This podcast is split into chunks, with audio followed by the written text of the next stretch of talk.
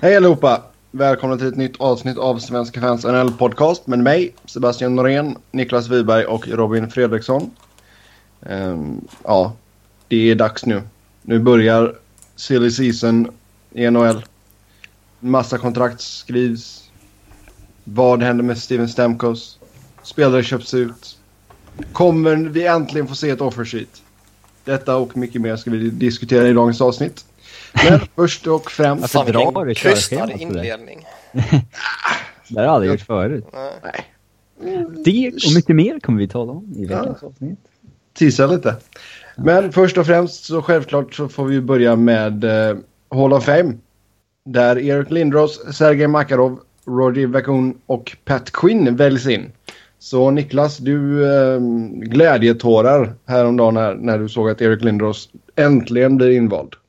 Ja, det är ju eh, alltså. Det, det här årsklassen, alltså det var ju jättekonstigt. Pat Quinn är ju rätt given att han väljs in tycker jag. Eh, det, det är liksom, Svag årskull. eh, ja dels är det ju det ju, men han, han även om det skulle varit en svag årskull så tycker jag ju att man kan motivera hans plats där liksom. Han är ju ändå en, en profil och, och hela det köret och har ju haft framgångar och hela allt sånt där. Men Så varför det har det varit den här jag, men- hetsen kring honom? Kring eh, Pat Quinn? Nej, kring Lindros. Jaha, för att folk tycker att han borde varit eh, inne för länge sedan. Det är väl inget så här, kon- Det har liksom gått tio år sedan han slutade. Det är väl inget konstigt. Ja, alltså eh, med tanke på att han var en rätt dominant spelare så kan man väl föra argument för att det var tog för lång tid. Men liksom, om, vi börjar lite, om vi börjar lite större bild innan man kan gå in på varje spelare så känns det ju som att det här årskullen var jättekonstig för att de bara plockar in massa sådana som har varit utanför jättelänge. Alltså Vachon fick ju vänta 31 år och liksom då känns, på ett sätt känns det ju bara liksom tramsigt att slänga in honom nu då ju. Alltså har du fått vänta 31 år, hur jävla värdig är du på att vara en del av Hall of Fame då egentligen? Ja, men det är ju för att Ja. de har de här jävla pissreglerna att fyra ska in varje år. Ja, Det är ju skit i sig. ja. Men samma sak med Sergej Makarov liksom. Han har ju fått vänta jättelänge. Han slutade i slutet på 90-talet och han är ju ändå en eh, legendar på riktigt liksom. Däremot så tycker jag att det finns ett värde i att liksom vänta tag från att en spelare har lagt av till att han valts in. För att det är sån hype kring en spelare när han läggs av hela tiden. Det kan jag hålla med om. Så, Eh, så det ska, skulle bli sån recent bias liksom. ja. Eh, det är som... Jag menar, både Gerard, Lampard, Scholes och flera andra har vi kallats för Premier Leagues bästa mittfältare när de har slutat liksom. Det är liksom genom åren. Så att... Eh, eh, det är bra att få lite perspektiv på det. Vad är regeln? Det är väl fyra år efter man slutat eller något sånt där? Tre. Tre? Sen är det ju 18 personer som sitter i den här kommittén och 14 stycken behöver säga OK för att man ska väljas in.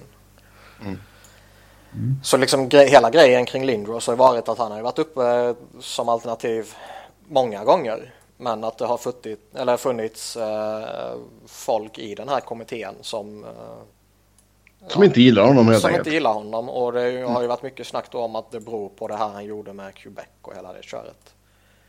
Och att han uppträdde ja, förmodligen då baserat på eh, vissa råd han fick från eh, liksom föräldrar och så vidare och kanske inte alltid gjorde sig jättepopulär på så sätt. Eh, Men jag tycker ju, och visst jag är väl lite färgad av det här men det skiter jag i, det är ju många frågor. Nej men vadå, alltså tittar man bara på det han gjorde på isen så är det klart att han ska in, herregud.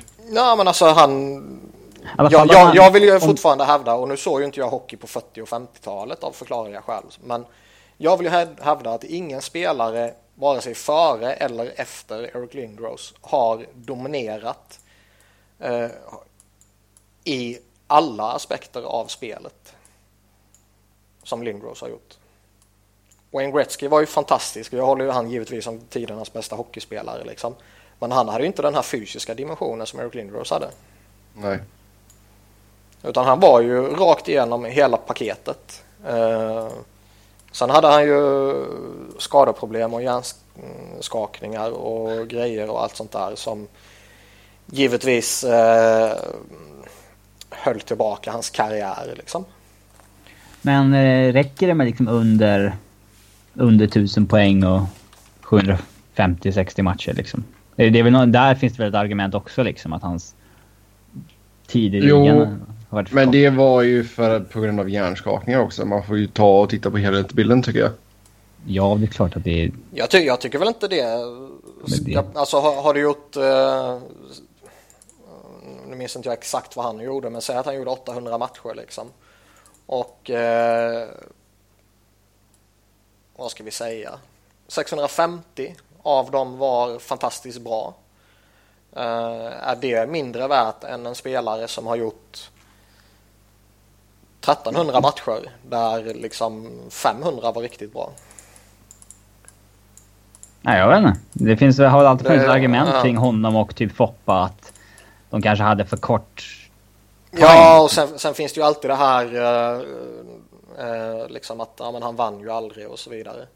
Ja, det är ju trams. Det, det, tycker, är... det tycker jag på ett sätt är trams uh, med tanke på att det är Hockey Hall of Fame, det är inte NHL Hall of Fame.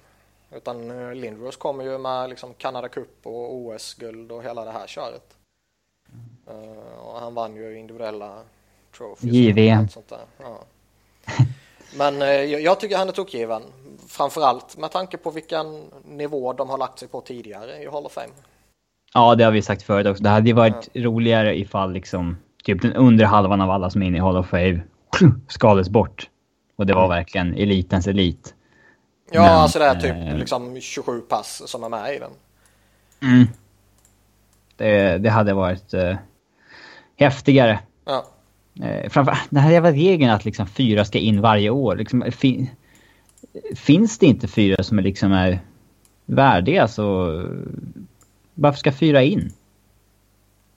Ja, nej, jag håller med dig. Jag vill också ha den så exklusiv som möjligt just för att öka liksom statusen på det. Statusen på det. Men eh, det kommer ju inte ske nu. Ska det ske så måste de ju starta någon ny klubb liksom. Mm. Det blir så tramsigt när de liksom varje år det är, det är väl någon som det har hunnit gå tre år med som ska in. Typ och sen så får de liksom...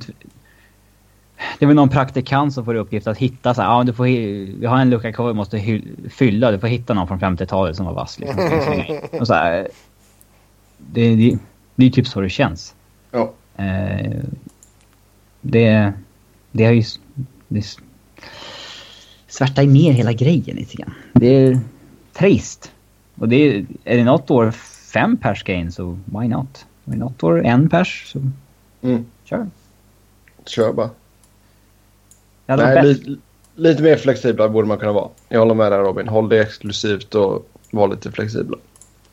Sen är det väl uh, alltså det är ju, och nu är man fördomsfull, men det brukar jag ofta vara och jag tycker om att vara det. Men det är ju rätt många i den äldre generationen som sitter i, eh, i den här kommittén och mm. generellt känns det väl som att de kanske är mindre benägna till att uh, ändra om det som har varit i den här klubben. Liksom. Men var det inte... Skedde det inte någon stor förändring i Hall of Fame? Eh, jo, det var till... För något år sedan eller sådär. Ja, jag tror det var antingen inför denna klassen eller förra året. Ja, för då minns jag att Jeff, Jeff Merrick sa... Ha, kommer, eh, han kanske sa Pat Burns förresten. Han kanske sa typ så här, ja kommer Pat Burns och Rick Lindros komma in nu eller? Mm. det är ju killar som folk har haft grudges emot, så, som har suttit i Hall ja. of Fame. Nej men exakt. Um, som tramsar sig över old feuds, så att säga. Mm. Mm. mm. Ja, eh, vill du säga någonting av de andra? Makarov?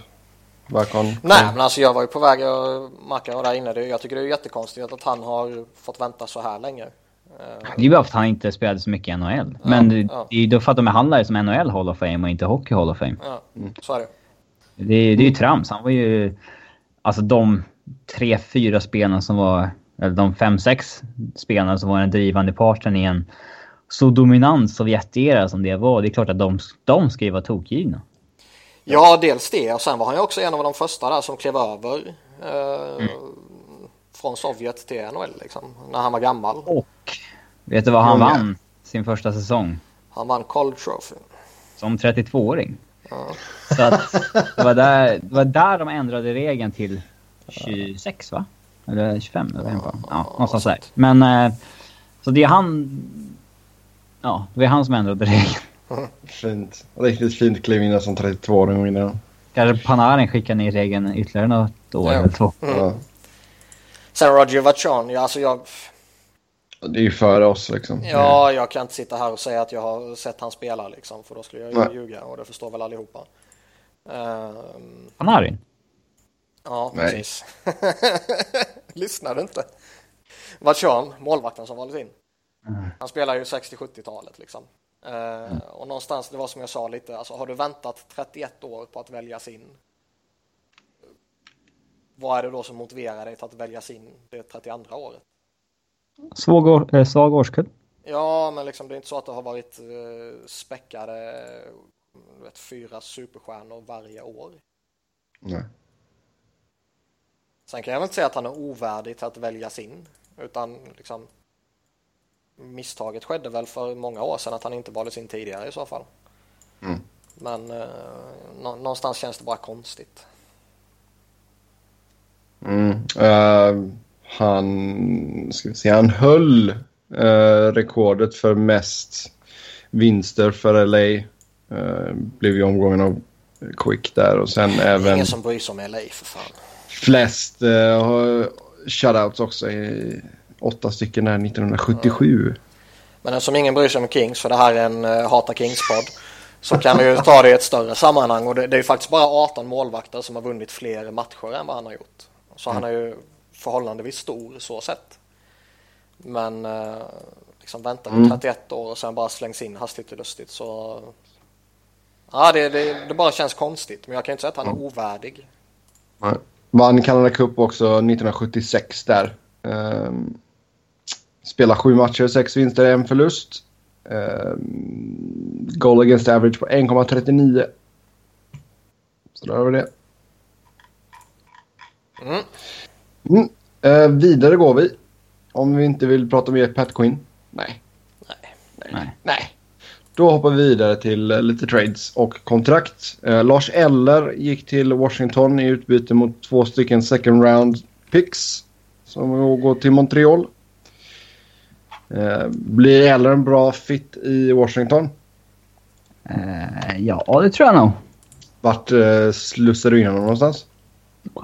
Första set. Eh, det har jag inte reflekterat över faktiskt. Men eh, jag tror att hans stil kommer passa dem. Men jag hade inte betalat 200 Rundsval för att få in honom.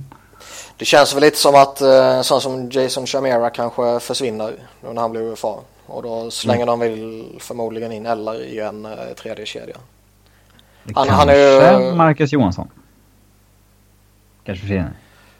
Eh, ja, det också. Men han är ju bara RFA. Mm. Men de kanske inte har råd. Nej, så är det ju. Men eh, Chimera är ju i alla fall UFA. Mm. Eh, och det, verk, det verkar vara rätt, rätt många som är intresserade av honom faktiskt. Så det, han kan ju vara förlorare för dem kanske. Och Lars Eller är ju faktiskt rätt nyttig så tillvida att han kan eh, spela på lite olika positioner, i lite olika roller, i lite olika kedjor. Mm. Ja, han kan ju säkert eh, hoppa upp ifall det behövs liksom.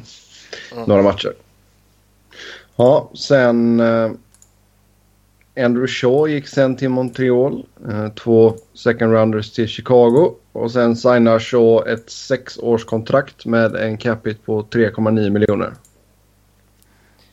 Det här, är, det här ställer jag mig lite frågande till. Liksom, att byta ut Lars Eller mot Andrew Shaw är väl inte nödvändigtvis något nerköp så sett. Det är ju lite Det är olika bara en preference i spelartyp liksom. Ja, ja. Eh, och Andrew Shaw är väl, bortsett från att han är homofob, så är han ju en eh, okej hockeyspelare.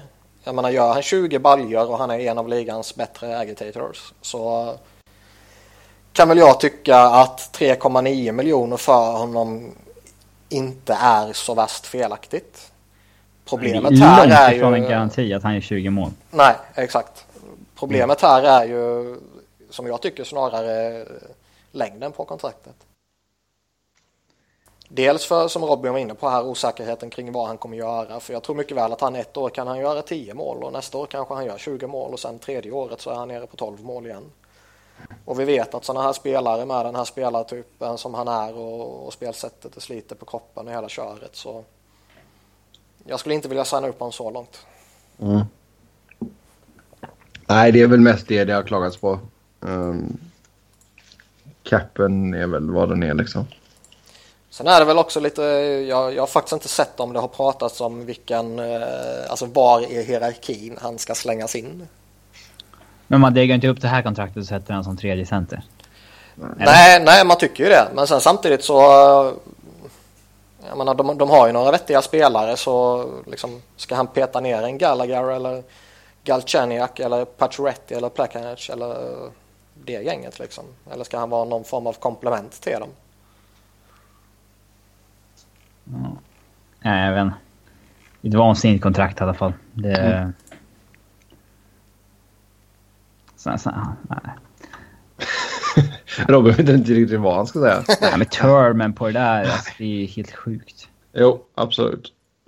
Sen såg vi Dimitri Kulikov och ett andra rundsval gå till Buffalo i utbyte mot Mark Pysyk, ett andra rundsval och ett tredje rundsval till Florida.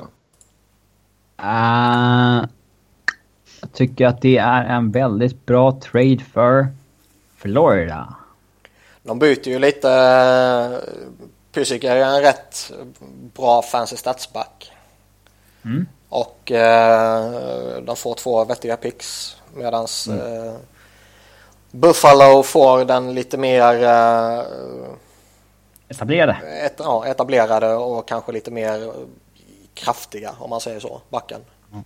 Man hade en tung säsong i fjol. Ja. Han, eh... Alltså jag, jag kommer ihåg att jag var jättehet på honom för några år sedan för då var det rätt mycket snack om att eh, det var väl när han var på väg bort där någon sommar eller någon trade deadline eller vad det var. Ja, och, han har blivit eh, sämre sedan dess. Ja, och det var mycket mm. snack om att Flyers var sugna på honom då. Och då var han faktiskt lovande. Det kändes som det kunde bli något väldigt, väldigt bra. Mm. Nu har han ju stagnerat lite. Mm. Han gjorde ju 28 poäng på 58 matcher där, som 11-12. Mm. När han var liksom 21-22. Eh, men nej, han har... Nej, han har inte sett lika bra ut. Och det där, alltså jag tycker att det är konstigt att Buffalo gör en som är så... Det känns som en så klok organisation just nu. Eh, för de kommer ju tvingas signa honom på ett... Jag menar, hans kontrakt på 4,3 går ju ut efter säsongen och han blir UFA. De kommer det, inte vilja släppa honom och så kommer han få signa honom till ett kontrakt som han inte är värd. Och, ja. Men det, det, ja, det, är lite spännande nu med, med Sabres för nu går ju de också in lite i den här fasen som eh, när jag hyllar Ron Hextall så vill du hela tiden plocka ner mig på jorden. Och, mm. Mm. det är ju samma sak med Tim Murray här. Det är en sak att riva ner skiten men sen så... Ja, bygga upp igen så hamnar man i en intressant sits ju. Mm. Även om det var mycket Darcy Regier som rev ner skiten. Ja. Mm. Han tradade de ju de, de, de, de första stora kontrakten. Sen har ju Tim Murray haft det, varit jävligt bra på att tanka. Liksom tagit in spelare och sen tradat bort och så ja, samlat på sig picks och skit på det sättet. Så det, det har han gjort jävligt bra. Men det ska bli intressant att se nu när han faktiskt ska bygga ett vinnande lag. Mm. Jo, men nu, nu är det väl dags för dem att börja vinna lite. Alltså det, tror ni att Buffalo kan... Alltså det är svårt att säga nu i juni, men alltså... Um, kan ni se dem vara där bubble team liksom? Ja, det ska de vara. Tycker ja. jag. Jag tror de hade haft rätt vettiga förutsättningar för att kunna utmana om det denna säsongen också. Uh, om de inte skulle haft lite oflytt med lite skador och så. Mm. Typ Lener. Ja, vi vet att Lena är god för de poängen där. Sen är det ju, alltså det, det är ju rätt många poäng upp till strecket. Men ja. eh, jag tror mycket väl att ett, ett skadefriskt Sabres som får lite utväxling på en Jack Eichel och sådana spelare mm. kan mycket väl blanda sig i. Men om vi tittar på deras backsida lite snabbt här nu då. Då har du alltså Bogosian, Kulikov, Josh George, Cody Fransen och sen antar jag då att Ristolainen och McCabe signar nytt. Mm.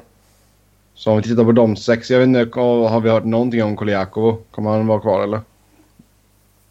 Ingen aning. Jag slutade bry mig lite om honom sen han slutade vara en flyer. mm. Nej, men om vi tittar på de sex första där då. Alltså det känns ju som en helt okej okay backuppsättning. Ja, det duger och det finns ju jättehög potential både i Ristolainen och McCabe. McCabe har jag varit förtjust i väldigt länge. Um, sen är det väl Bogosian. Någonstans ser man väl fortfarande en potential och en förmåga att kunna spela ännu bättre än vad han gör. Utan att för den del vara dålig nu. Mm. Men sen samtidigt så är han 29 bast. Liksom börjar bli lite sådär smyggammal också. När man fortfarande någonstans behandlar honom som en talang känns det som. Snackar du om Bogosian eller Cody Franson nu? Bogosian hela tiden. Ja, han är 25. Ja, det var det jag sa. 29. Du sa 29? Jaha, jag tänkte 25. Ja, okej. okay. Ja, du tänkte 25 men sa 29. Ja, då, då, då, ditt resonemang är lite mer lo logiskt där då. Ja. Uh, Carl Svensson är 28 kan vi säga. Mm. Um, Sen är det väl sagt... Kulikov. Uh, man är väl lite osäker på vad man har honom men sen vet man aldrig. Helt plötsligt en sån här spelare hamnar i en ny organisation. Får en liten annan ja, roll. kan ju en bounceback ju. Ja, exakt. Så det kan mycket väl bli en... jättebra. Han har ändå varit en topp fyra liksom tidigare. Så ja. Han borde kunna ha det i sig. Men ett eh, dåligt år. Eh, kan, ja, ur Sabres perspektiv förhoppningsvis ha ett bounce back year. Mm, absolut.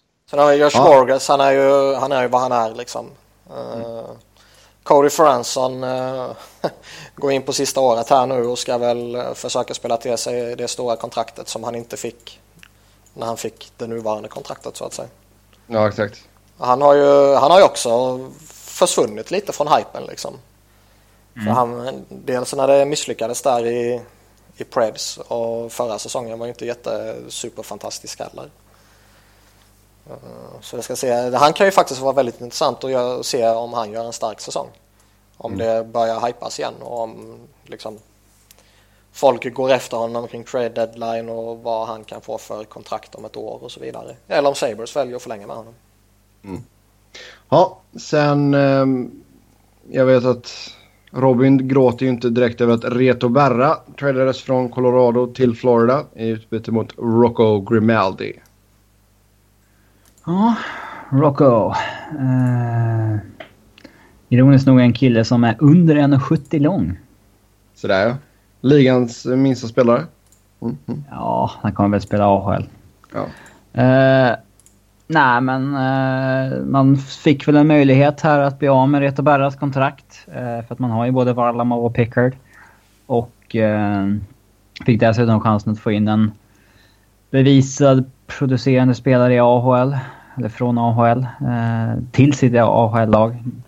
Där man just nu typ knappt har en enda spelare. Så att Mm. Fanns väl ingen som helst nackdel eh, för Avs med att göra den traden. Nej, det gör väl inte så mycket också med tanke på att dess AHL-lag eh, var ganska dåligt förra säsongen. Ja, det är skit. Mm. Mm. Nej, du har ju inte varit eh, het på Berra på väldigt länge. Har du någonsin Nej. varit het på Berra? Nej, det har jag inte. Han inledde ju fullständigt katastrofalt i Avs. Uh, han var ju inte bra i, i Flames heller. Men eh, alltså så här, och tittar man på hans siffror är, så har han ju typ så här, nej, han snittar väl typ 92% eller någonting. Och det, det är ju såklart bra, men liksom, man kan aldrig lita på honom. Någonsin. Han kan lika gärna släppa in fyra mål i första perioden och så är matchen körd. Mm. Eh, sen kan han så vara okej okay i tre matcher igen så att hans siffror tar sig upp. Men alltså, man vet aldrig vad man får av honom. Nej. Absolut inte killen som man vill ha som backup där man liksom Backup-målvakter är, målvakter är lite speciella. Vi har ju... Man måste ju ha den här egenskapen att kunna sitta på bänken och sen ändå kunna komma in och leverera en hyfsad match. Och liksom inte behöva spela sig i, i form varje gång man ska spela. Nej, exakt. Eh, och det var väl då som Berra hade okej siffror när han liksom fick spela tre, fyra matcher i rad för skador eller någonting. Men eh, när han bara skulle komma in och vakta buren i back-to-back eller något sådär så var han ju skit verkligen. Mm. Usel backup. Okej okay, ifall han blir starter. Ja, Nej, jag skulle inte vilja ha honom som min start. Nej, men alltså grejen är att han är 29 bast också. Det är inget ja. att... Han hade ju inte bra siffror i Schweiz heller innan han stack över. Nej, det kan nog bli... Han har varit kass i landslaget de gångerna han varit där också. Kan bli AHL för honom också. Det borde det inte bli med tanke på vilket kontrakt han har. Och att Florida har ett hål bredvid Luongo nu. Mm, vi får se vad de inte får där. Sen eh, skickade Colorado även Nick Holden till New York Rangers i utbyte mot ett fjällrundsval. vad är det för jävla backbesättning de ska ha egentligen? De har Gerard och de har Stahl som drar ner hela skiten. Och sen ska de slänga in eh, Nick Holden i det också. Och sen har de Dylan McIlrath som inte är liksom fantastisk på några sätt heller. De har typ tre vettiga backar, resten är ju blä. Blä. Blä. Ja, nej men det är ju knappast backen du tar in om du, som du borde ta in om du är Rangers tycker jag. För det är en kille som på sin höjd kanske är en femma, sexa på sin absoluta höjd. Problemet är att att Rai behandlat honom som något så här superfynd för att han kom in och gjorde 10 mål första säsongen och han sköt för typ 30 procent i princip. Men eh, alltså... Pff, han har så många brister i sitt spel. Alltså, det, är ing, det är fortfarande ingen back jag skulle vilja ha i mitt lag överhuvudtaget. Men... Eh, sen tror jag att hans siffror är lite dopade av att han alltid har fått spela med bra spelare. Men vi får, vi får se vad han mm. sätts i för miljö i Rangers. Mm, ja, det är sant. Sen Calgary har hittat en målvakt. Uh, Brian Elliott tradade de till sig från St. Louis i utbyte mot uh, ett andra rundsval och ett conditional tredje rundsval. Ja, och det är om han skriver kontraktsförlängning med dem. Han har ju bara ett mm. år kvar. Uh, det är väl, ja, någonstans valde de väl mellan en Brian Elliott till ett lite billigare pris eller att pröjsa dyrt för en typ Ben Bishop eller Flurry. Mm. Budgetlösningen här då alltså? Ja, men ja, det är ju klart att ska, ska, jag, ska jag ha en målvakt i mitt lag så väljer jag ju hellre Ben Bishop före jag väljer Brian Elliott. Jo. Men någonstans måste man ju ändå väga det här att okej, okay, vi tar in Ben Bishop. Han kommer förmodligen kosta oss jättemycket och vi kommer skriva ett långt och dyrt kontrakt med honom. Mm. Uh, här får du in Brian Elliott som i sina bästa dagar är lika bra och kanske till och med bättre än vad Ben Bishop kan vara. Uh, och som förmodligen inte kommer kräva samma kontrakt som Bishop ska signas till. Nej, om, herregud. Om man nu väljer att signa med honom. Det är mm. säkert man gör det. Man kanske eh, satsar på honom nu och sen eh, nästa sommar så kanske Flurry helt plötsligt är jättebillig för att Penguins inte vill tappa honom gratis i en expansionsdraft. Jo, det är sant. Hur, eh, hur ser vi annars på deras målvakt? Alltså, Kari Rämö i UFA juniority och fick inget qualifying offer. Ja, de ska väl med en till. Mm. Men de kommer ju, de kommer ju knappast vara lika desperata i en jakt på Fleury eller Bishop nu. Nej. nej, nej, absolut inte. Nej, får väl se där. Man kanske tar in någon, jag vet inte. Kan, kan man plocka in en enrot kanske? Elliot enrot, tandem?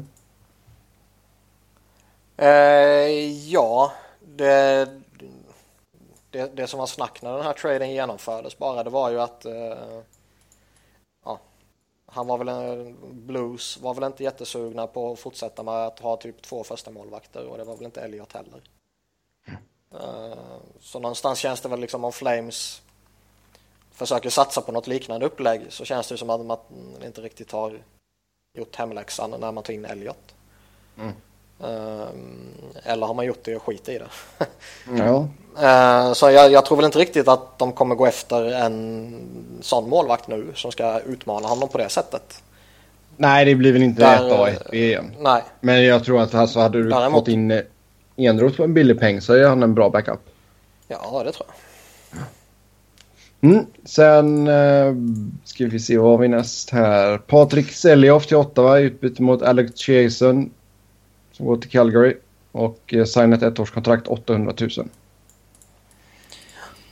Jasons ja, bästa traden blir bara bättre och bättre. Det är väl lite eh, skräp mot skräp. Jag tycker ändå Jason visade nej, någonting när nej. han var i Dallas. Nej. tidigare att det kanske kunde bli något vettigt av honom. Ja, men det var ju bara bonröta. Ja, kanske. Men det har inte blivit något av det i alla fall.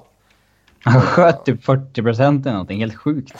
Den där perioden när han ja, dels avslutade säsongen 12-13 jättebra och sen så började han 13-14 jättebra. Men... Eh, sen var det ju, det var ju mycket snack nu att nej, men han behöver miljöombyte för att han ska kunna lyfta och, och så vidare och så vidare. Men jag vet väl inte riktigt om... Eh, det känns lite som att de förhoppningarna kanske är lite, lite överdrivna. Han, mm. han, han är nog vad han är. Japp. Sen så såg vi Pavel Datus kontrakt eh, tradas eh, tillsammans med ett första rundsval till Arizona i utbyte mot eh, Joe Vitale, första rundsval och andra rundsval till Detroit. Ja, man bytte ju upp sig fyra platser här för att ta Jacob Chychrun. Chychrun. Mm. Uh, när man inte vet exakt hur bra han är eller liksom, så är det svårt att lägga större värdering i i, eh, i traden. Men alltså spont spontant kan jag väl känna att det, Detroit kom lite billigt undan. Ja, alltså ju, speciellt i och med att Arizona fick slänga in sitt andra val också. Ja. Ja, och det är ju inte så att det är, fanns jättemånga, eller det verkar inte som att det fanns jättemånga takers på uh, Dutchers kontrakt. Men jag säger som jag sa från början. Varför är det så många som ser Pavel Datsuks kontrakt som en börda? Nej, nej, det är ingen börda överhuvudtaget. Alltså jag säger inte att nej, ja, nej, det är inte det. något nej, dåligt. Det, det, nej, men det är inte det jag menar att du säger nu. Men jag menar, det är ju så lite som kontraktet har behandlats i väldigt många diskussioner. Allt ifrån liksom Twitter och forum till eh, liksom snack hos väldigt respekterade journalister där borta. Mm. Ja. Att, men det eh, verkar ju inte som att Arizona kommer liksom spendera i verkligheten typ 45 miljoner. De kommer väl ändå satsa lite ser det ut som. Mm. Eller? Ja, förmodligen. Men de, de är ju fortfarande i ett läge där de får 7,5 miljoner cap och betalar inte en enda dollar. Ja, exakt. Eh, och, och liksom att, att, att, att så många sitter och, och verkligen är helt 100% övertygade om att det här kontraktet inte är attraktivt. Liksom. Antingen, jo, men sen verkar inte fattar folk... man inte hur alltså, det funkar eller så... Nej, liksom... men det är ju det som är grejen också. Alltså, vissa verkar inte förstå att de inte betalar någon lön till honom. Nej, exakt. Och att, och sen att har någon du... random supporter som inte följer ligan så jättenoga, det är väl fullt förståeligt. Men mm. liksom ändå många journalister och väldigt respekterade journalister och kunniga journalister som sitter och jiddrar om att det där kontraktet vill man inte ta på sig. Det måste Detroit betala jättedyrt för att bli av med. Det är bara att inte fatta vilken verklighet som finns i ligan. Jo, alltså nu är ju regelverket som det är liksom. Och jag menar, det var ju vissa andra som man såg liksom bara åh, Arizona de liksom hjälper Detroit och eh, bla bla bla. Jag menar, det, det är en asset för Arizona att ta den cap-hitten utan att behöva betala en krona. Mm. Sådana här, som, lägga, som skriver, kan man lägga Ja, men som man skriver i chatten här också, varför skulle man hjälpa Detroit? Och liksom, man vill ju mjölka ett desperat lag, men det är som jag sa från början, jag ser det här kontraktet som en tillgång att, mm. att ta in. Hade det varit så att Arizona hade varit i en situation där de verkligen kommer vilja spendera mindre än man inte får, liksom, mm. så hade det ju varit en tillgång. Men jag vet inte riktigt om Arizona har de planerna eh, den här säsongen. Visserligen har de ju... Nej, man vet inte. Det, det, rykt, det ryktas ju en del om att en sån som Martin Hantzal kanske är på väg bort. De försvinner mm, 3 plus miljoner. Att de inte är villiga att dänga upp samma lön till Shane Doan igen. Ja. Nej, alltså det, det senaste där är ju att man från, det här låter ju så jävla pretentiöst, men från mina källor. uh, så... Uh, Oliver läckt igen. Nej, det är inte Oliver kan jag säga. Um, Tydligen så utgångsbudet som de gav honom när de började prata, det var hälften. Du breaka siffrorna här alltså? Det var alltså hälf, hälften av det han tjänade. Ja, det är ju lite förolämpande när han har gjort, vad gjorde han i fjol? 28 baljor? 28 baljor, ja. ja. Men det, vad fan, så... det, det är klart att han vi är skit ett idag. Års, jo, mycket. men vi snackade ett årskontrakt. Fan, ge han fyra och en halv och bli, liksom vara klara med det. det är ingen, ge, ge fan nu dra ut på detta. Har de ändå så, fått en bra, en bra och positiv start under Schalke här nu. Det är liksom lite momentum och allt sånt där skräp. Sabba inte det då med att gnida med kaptenen för fan. Ja, jag kan tycka att hade det... Det är ju inte så att Arizona är upp mot taket direkt. De måste ju spendera för att nå golvet. Och då mm. kan man ju lika gärna som en symbolisk handling belöna kaptenen för en väldigt bra säsong. det är klart att Shane Doan är... Alltså, det är klart att ja. han är skräp idag egentligen jämfört med vad han var för några år sedan, men... Ja, det är klart. Han kommer ju åtminstone spela i Arizonas topp 9 och vara lagkapten och skit, så att det... Mm. Det finns väl... Jag hade väl inte haft något problem att lägga upp 4,5-5 miljoner på ett ettårskontrakt till honom. Nej. Bara inte vill ha term så är väl inte lönen något Nej, problem. nej. Alltså ju, vi snackar ju inte en ettårsförlängning liksom. Så mm. nej, vi får se det. Och som du sa där också eh, Niklas att Hansal snackas det ju fortfarande om. Eh, så det är som du säger, det här skulle ju försvinna 3,1 miljoner. Ja, och liksom tittar man, då har ju också eh, Chris Prongers kontrakt som är kvar liksom. Där nästan 5 miljoner räknas mot mot lönetaket men där man inte pröjsar mer än, jag tror det var 575 000 väl sista året mm. på, i lönen då. Och där beror väl på lite hur, eh, jag minns faktiskt inte hur mycket försäkring tar och allt sånt där och det beror på lite om om de sätter honom på long term injured reserve eller inte och hela det här köret men eh, jag ser ju definitivt att de har liksom att Dachuks kontrakt är jättevälkommet för dem. Mm. För det ger dem ju jättestor flexibilitet att göra någonting under säsongen också. Ja, det är sant. Fan vad Arizona har att göra första juli. Mm. Det är inte många spelare i truppen som är signade. Nej, alltså det blev ju... Um, vi kan säga lite snabbt att Jared, Jared Tenodi, Kevin Connaughton, Claes Dahlbäck och uh, Plotnikov fick inga qualifying offers. Men uh, de ska fortfarande prata med dem tror jag. För att se om de kan signa något annat liksom. Hur många av kidsen är aktuella för att lyfta upp? För det är ju typ det som är intressant i Arizona bara, inte de som förutom typ Shane Doan eh, så inte finns intressant. det ju inget som är intressant liksom av UFAs. Nej, det som alltså, det intressanta ju... är ju... Liksom... Ska Dylan Strom spela i år? Ja. Ska Dvorak spela i år? Ja, exakt. Det, det är ju de två stora där liksom. Ifall de är redo. Sen eh, kan vi dra in lite snabbt också. Man tradade till sig eh, Anthony D'Angelo eh, i utbyte mot ett andrarumsval som gick till Tampa då. D'Angelo tror de väl att han kan... Han kommer nog starta där uppe tror jag. Mm. Ja, det är ju en, det är en jätteintressant chansning av Xhaka. Mm. De har ju ganska sett för prospects och... Alltså det de byter, det är ett tidigt val i andra rundan mot en 20-årig back som i fjol gjorde 43 poäng på 69 matcher i AHL. Det är ju väldigt svårt att hitta en bättre spelare än så i eh, en andra runda. Mm. Nej, det är väl bara det att det har varit lite, lite frågor kring eh, D'Angelos eh, ja, mentala bitar då.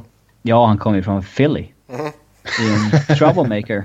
ja. eh, men det har ju varit lite sån surr om honom att... Eh, det var det redan i förra draften också. Skulle det inte funnits mm. de oroligheterna skulle han förmodligen gått lite tidigare än vad han gjorde också. Mm. Ja. Det var snack om det att... Uh, det, var inte, att, det var inte snack om att Devils ville ha honom eller någonting. De kanske inte hade något val i den draften. Kanske ser. Minns jag. Mm. Just det, var den draften de fick tillbaks valet som de togs från Kovacak tidigare. Mm. Uh, men... Uh, Just det, var snack om att Philly kanske skulle ta honom före Tampa för att han var en Philly-kid. Liksom. Mm, mm. Men uh, ja, det är en jätteintressant satsning, av, eller chansning av Shaika såklart. Mm. Och sen har, signar de även upp uh, Louis Duming, målvakten här, på ett nytt tvåårskontrakt. Mm. Så ja, det börjar hända lite grejer och sådana. Ja, nu måste det väl vara slutet för Anders Lindbäck. Nu kan han väl inte få ett nytt jobb där borta? Nej, nej, nej, nej, nej. nej. Fan. Det är ingen som ska tanka i år. Nej, men han är ju fortfarande... När, ska, när är han beräknad vara frisk igen? Typ december? Ja, dessutom skadad så är okej. Okay. Ja, ja, han nej, drog nej. ju... Han drog la hälsenan eller vad fan det nu var. Eller någon ljumskmuskel eller någonting. När de spelade han... fotboll inför en match. Nu har jag inte exakta siffror på vad han har tjänat i lön under de här... Eh, sex säsongerna han har gjort i NHL, men han har ju dragit in bra mycket pengar sett till hur... Ja, Klädstruken han har varit. Ska vi se vad han har... Det är samma sak med Viktor Fast, hur mycket pengar han drog in när han fick det där förhastade kontraktet av Dax. Ja. Eh, båda två hade relativt korta och mediokra om för att uttrycka det snällt, en ölkarriär men lyckades dra in mycket pengar. Mm. Uh, sen så såg vi Kirby Reichel gå till Toronto i utbyte mot Scott Harrington som går till Columbus. Ja, uh, den är väl rätt så... Uh, alltså... Man får ju känslan lite av att typ Jarmo bara tröttnade på Reichel. Mm. Grejen är att när det började snackas om Kirby Reichel, då var ju snacket som gick att det är inte det att liksom Columbus vill göra sig av med honom utan det finns ett högt intresse för honom och man kan utnyttja honom som liksom för att få in något... Alltså mm. för att få in något man har större behov av. Mm. Så gick ju snacket då. Nu har han liksom, hans namn har florerat i trade-rykten. Eh, minst ett år. Och så liksom... Blir det så här att de byter honom? Blir det Scott Harrington? Ja men straight up mot en 23-årig back som, ja, han kanske är en bra sjua eller någonting. Jag vet fan, har han någon större uppsida ens? Nej. Inte längre. Han, han var väl lite sådär när han kom fram, men det har inte blivit någonting. Sen är det väl lite för, alltså 23... Han ger ju bara bort Kirby Reichel här. Jättekonstigt. 23 år är väl för tidigt för att ge upp helt och hållet om honom. Men... Mm. det han... börjar bli jobbigt om man inte har etablerat sig i NHL nu för tiden. Ja, ja exakt. Mm. Toronto gör ju det här jättebra. De fyller på en redan spännande till Langbank med ytterligare en ja. yngre spelare som har en eh, bra potential. Och som sagt, någonstans får man väl känslan att de bara tröttnade på situationen på något sätt. Och gjorde mm. något litet... Uh, ja. Omdristigt. Ja, precis. Förgillat. Mm. Yep. Sen Bo Bennett går från Pittsburgh till New Jersey i utbyte mot ett tredje rumsval. Ja, Shero plockar in... Uh, Sin gamla drafty. Ja. uh, det som var lite intressant det var ju att han får ju inget qualifying offer av dem. Vilket fick lite folk att uh, reagera när de precis hade tagit in honom liksom. Mm. Men det har väl förmodligen snarare att göra med att de sitter och förhandlar om ett annat kontrakt istället. Mm. Lite som när Steve Mason gick till eh, Flyers va? Ja. Mm, då sloppade de också qualifying offer och sen så signade de vanligt kontrakt. Mm. Uh, ska vi säga att New Jersey inte gav något qualifying offer till Devonte Smith Pelly heller? Nej, det är också en kille som de sägs vilja resigna ändå. Ja. Jo, men det är ju så ibland. Alltså, ibland så tycker man väl bara att qualifying offer smakar lite väl mycket liksom. Nej, men alltså vissa spelare för att du ger dem qualifying offer så ger ju de ju arbitration rights. Mm. Eh, vilket man kanske vill undvika. Ja. Men någonstans tycker man ju ändå att visst, visst nu kanske de tar Devont Smith Pelly här som ett exempel. De har ju och så leker vi med tanken att de är liksom jättenära en överenskommelse och kanske blir klart ikväll liksom. Då, mm. ja, fair enough. Men säg att man inte är så jättenära en förlängning och så kommer man till spelaren och så får han inget qualifying offer men så får han beskedet att vi vill fortfarande förhandla om ett nytt kontrakt. Liksom. Vi vill fortfarande behandla, eller behålla dig.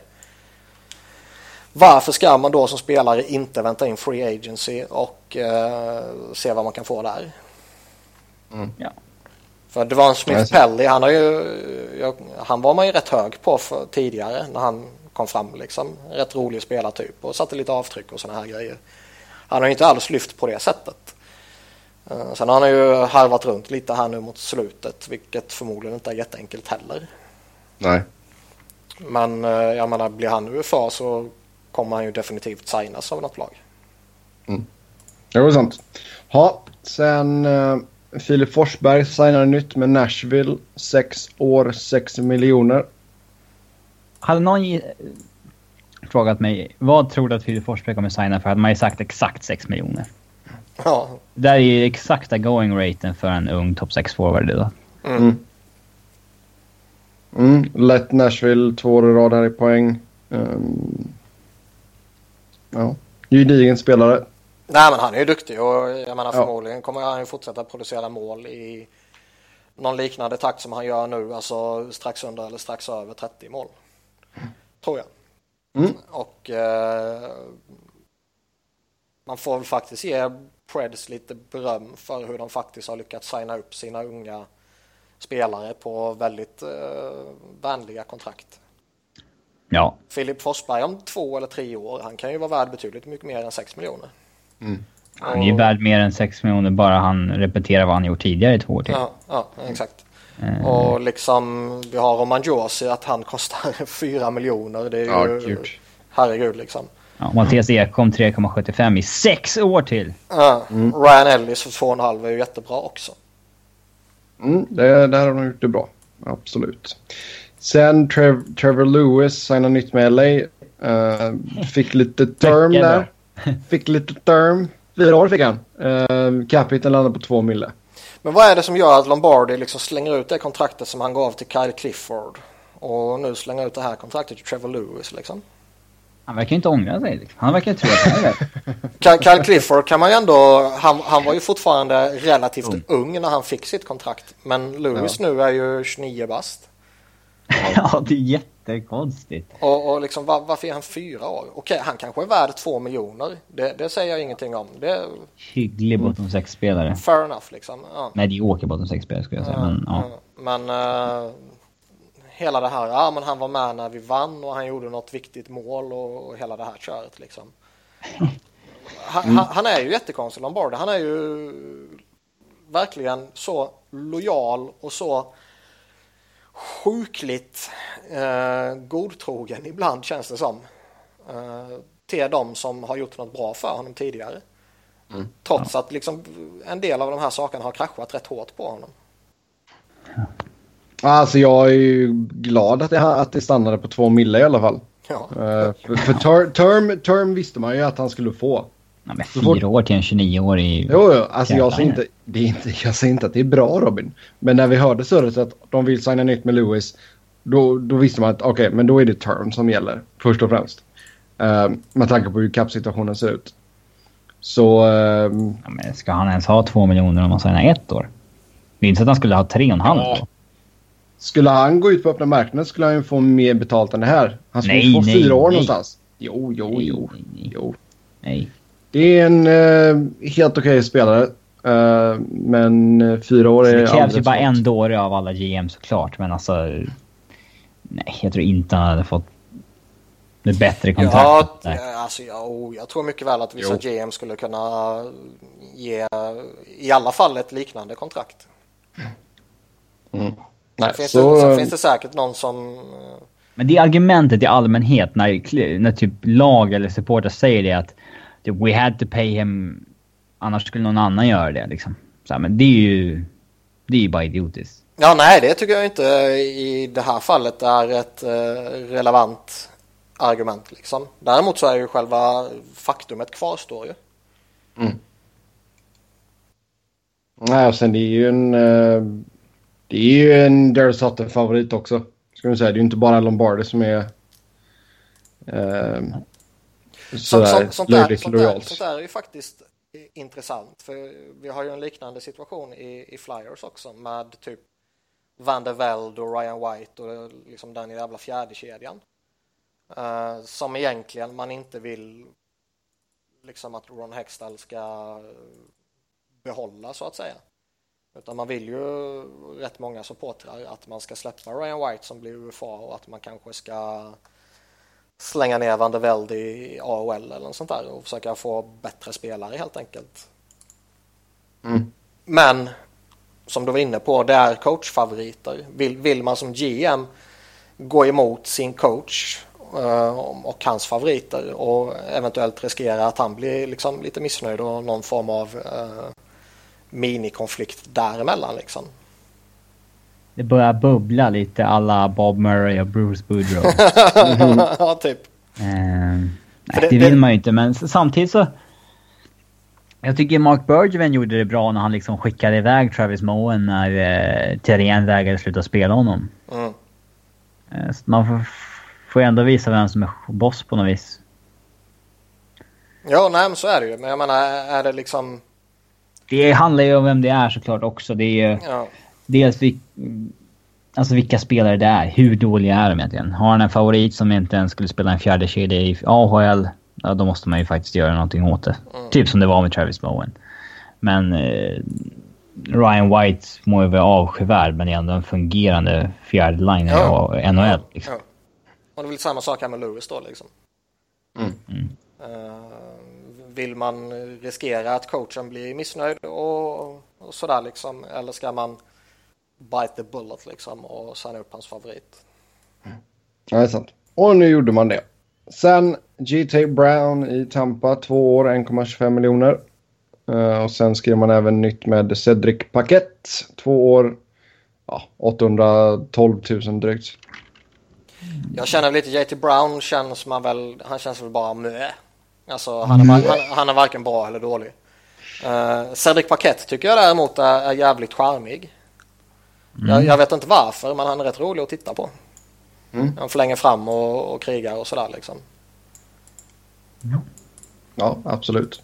Um... Där man vill ha i fjärde kedjan. Mm.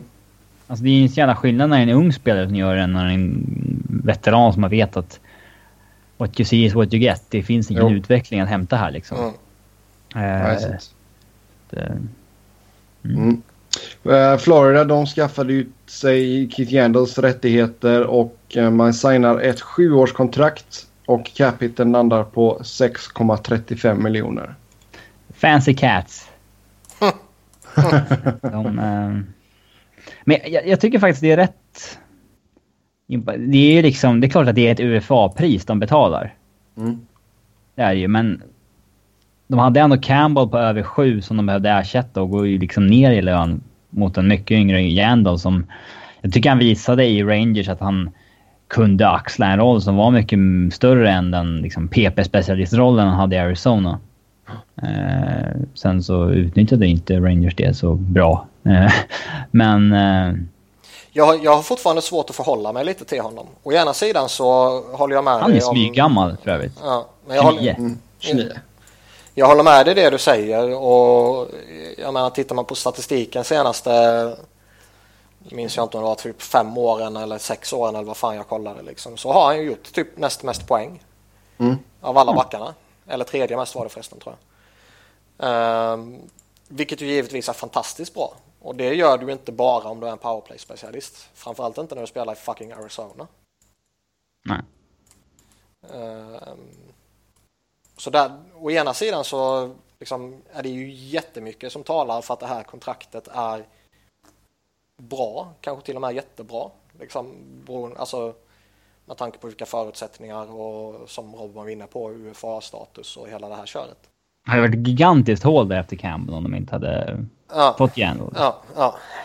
Å andra sidan så är man väl någonstans har man väl alltid haft en liten rädsla just kring Jandel om han verkligen är den här första backen på riktigt.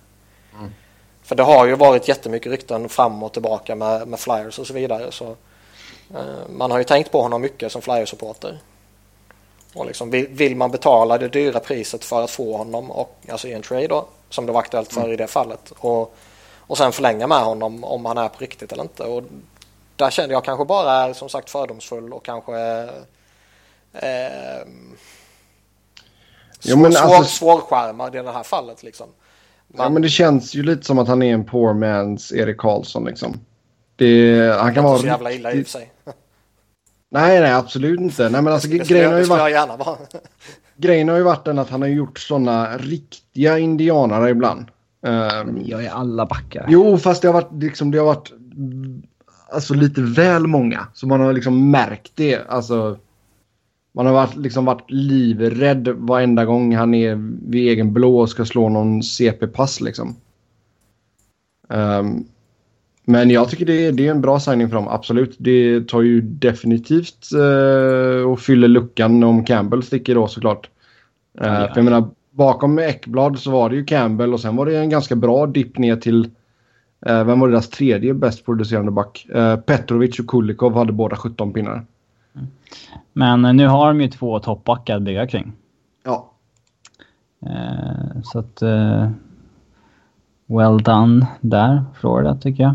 Eh, och det visar ju sig att det, det lönar sig att uh, get ahead of the market och pröjsa ett pick eller två för att få en spelares rättigheter i förväg. Och, för snacket kring både Goligoski och uh, Jandal uh, var ju att när de gick till respektive Arizona, Florida, alltså när de köpte deras rättigheter att liksom om man kommer verkligen behöva kasta upp någonting rejält för bägge spelarna är inställda på att testa marknaden. Liksom. Mm. Eh, men sen så lyckas man ändå lösa det.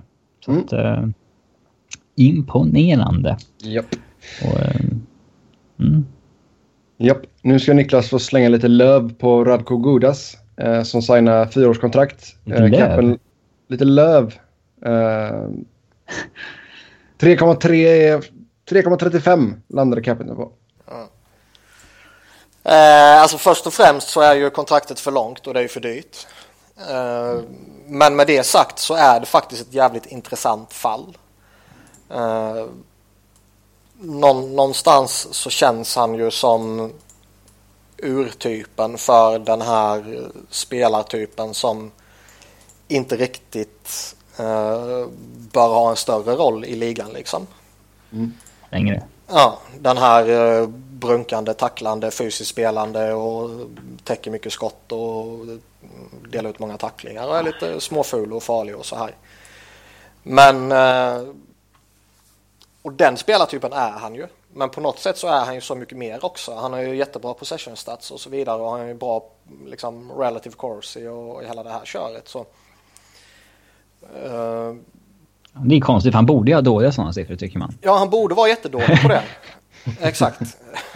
Speciellt att hans, det är liksom hans Corsi 4 som är väldigt imponerande. Alltså att det händer mycket offensivt när på isen. Mm. Uh, men uh, i alla fall den här säsongen. Mm. Uh, sen, sen får man ju se vad som händer sen. Man är liksom en, en av ligans bättre relative courses också. Uh, mm. Vilket ju är uh, jätte, jätteabsurt också. Så frågan är ju liksom om han kommer han ligga på den nivån och vara den backen och liksom han var ju faktiskt han var ju på riktigt en väldigt bra topp 4-back för oss denna säsongen. När han tvingades in i den rollen när vi fick skadesituation och, och så här liksom. Och eh, var ju till och med uppe i ett första par och gjorde det jättebra. Sen har han sina vålds, våldsamma tacklingar, vårdslösa spel och han lämnar fortfarande eh, vad heter det, positionsspelet för att uh, smälla en spelare och lite sånt här. Mm. Och, någonstans finns det väl ett värde i att ha en sån back som liksom ser till att motståndarna är lite rädda. Liksom. Sen, sen vet de flesta som har lyssnat här en längre tid att uh, liksom försvara hans headshots, det går ju inte. Nej. Men uh, som sagt, han är och har visat denna säsongen och får betalt för det att han uh, kan vara en topp 4-back och att han kan hantera en, en, en större roll än bara en en roll i ett tredje par, vilket han egentligen är om man tänker på urtypen för vilken spelartyp han är, borde han vara i ett tredje par. Mm. Och det, visst, han, han, spelade en hel del med Michael Del Soto denna säsongen och det paret, alltså Del Soto är ju jättebra sedan han kom till oss. Han har blivit sjukt säker defensivt, vilket ju är helt crazy med tanke på vilken spelartyp det var tidigare. Men han spelade också jättemycket med Brandon Manning och han är ju klappkass. Kan uh, Philly vara det laget som kan uh, få rätt sig på en Dan Girardi då kanske? Nej. Sätt han bredvid Godas och se vad som händer. exakt, exakt. Så jag, jag, jag, känner, jag känner väl någonstans att jag, eh, man vill inte signa honom på ett så långt kontrakt. Och tre miljoner plus är alldeles för mycket liksom. Men liksom fortsätter han att prestera med, med sån liksom possession stats och hela det köret. Och spelar som han har gjort denna säsongen så är det inget kaoskontrakt. Mm. Han är ju lite av ett mysterium för han ser ju dålig ut rätt ofta. Ja. Alltså han ser ju... Nej, han ser, han ser lite bulkig ut och han ser lite stabbig ut och han ser lite sådär. Men han är mm. faktiskt... Han är säker han, med pucken liksom. Man hade inte gissat att han skulle ha bra siffror liksom om man bara hade sett matcherna. Mm. Mm. Mm. Det, ja. sen, sen, tror jag ju faktiskt också att eh, skulle man eh, om två eller tre år uh, vara i ett läge där liksom Ghost och Provorov och Sunheim och hela det här nya generationen liksom har gjort honom överflödig eller att man behöver skaka loss pengar så ser jag ju i dagsläget inte att det kommer vara jätteproblem att dumpa honom om man hamnar i den situationen. Nej. Det är inte så att han är gammal och liksom nära slutet och hela det här biten. Nej, det kommer ju alltid finnas folk som attraheras av den Ja. typen tror jag också. Ja. Om man inte har eh, förstört ett par karriärer. Ja, men det kommer alltid vara folk som Vägen dit. attraheras av det. Ja, sen har vi eh, Wild Bill William Karlsson i Columbus. Eh, tvåårsförlängning, en miljon. Ja, egentligen är det här totalt ointressant och egentligen borde jag ju tokvägra att ta med honom eftersom vi har en princip av att snacka ner svenskar. Men eh, de har ju så mycket skit i det laget så man kändes ju nästan som att de var tvungna att ta upp honom ändå. Han känns ju inte lika lovande som Alexander Wennberg men eh, Ja. han, han kanske kan bli någon hygglig tredje-liner liksom. Eh, så att... Uh, varför inte? Det kommer, Ja, det är inte lite, skam det heller. nej, det kommer lite snack idag nu också att Columbus är redo att behålla lön på kontrakten de vill dumpa. Mhm. Jag tror inte det räcker för att man ska bli av med en Jared Bowl. Men... eh, Nej, vi får se vad Kekalainen hittar på där, helt enkelt. Um, Nu tror jag väl inte det var riktigt boll han syftade på, Jarmo, utan det var väl kanske Hartnell som det snackas om, Nick Foligno som det snackas om. Eh, vad kan det mer pratas om? Föjten kanske? Föjten. Ja, det var James Murdoch som skrev att han hade hört att Blues var desperate. But shed money, Hartnell, Teotin, Boll, etc. Jaha, boll också. Ja. Sen, vi snackade ju lite Goligoski förra avsnittet. Eh, han signade ett femårskontrakt med Arizona strax under 5,5 miljoner. Och eh, det var ju som vi sa tidigare också, Arizona skickade ju ett val för att få hans rättigheter och det slog väl ut. Nej men det här är väl jättebra för dem. Eh, De får en back som fortfarande är duktig och som kompletterar Ekman Larsson på ett bra sätt. Jättebra att de bara fick fem år. Eh, skulle de gå lite längre så skulle det varit lite sådär. Priset är väl kanske lite, lite, lite, lite i högsta laget. Eh, Men eh, Det är på öppna marknaden. det är på öppna Aha. marknaden och förmodligen är väl eller Carolina höll jag på att säga. Arizona fortfarande i ett läge där de måste pröjsa lite extra för att attrahera folk. Mm. Ja, det blir bra. Han får ankra andra paret där helt enkelt. Sen... Eh, The Columbus Blue Jackets are closing in on an extension with Fett Jones. Source says it's close, säger Darren. Fett Jones. Ja. Ja, Och nu twittrade Friedman samma sak 14 sekunder senare. Ja, det är bra. Emerson Edem, Vancouver. Ett år, 775 000. Ja, gå vidare. Ja. Kyle Brodziak, St. Louis, två år, 950 000.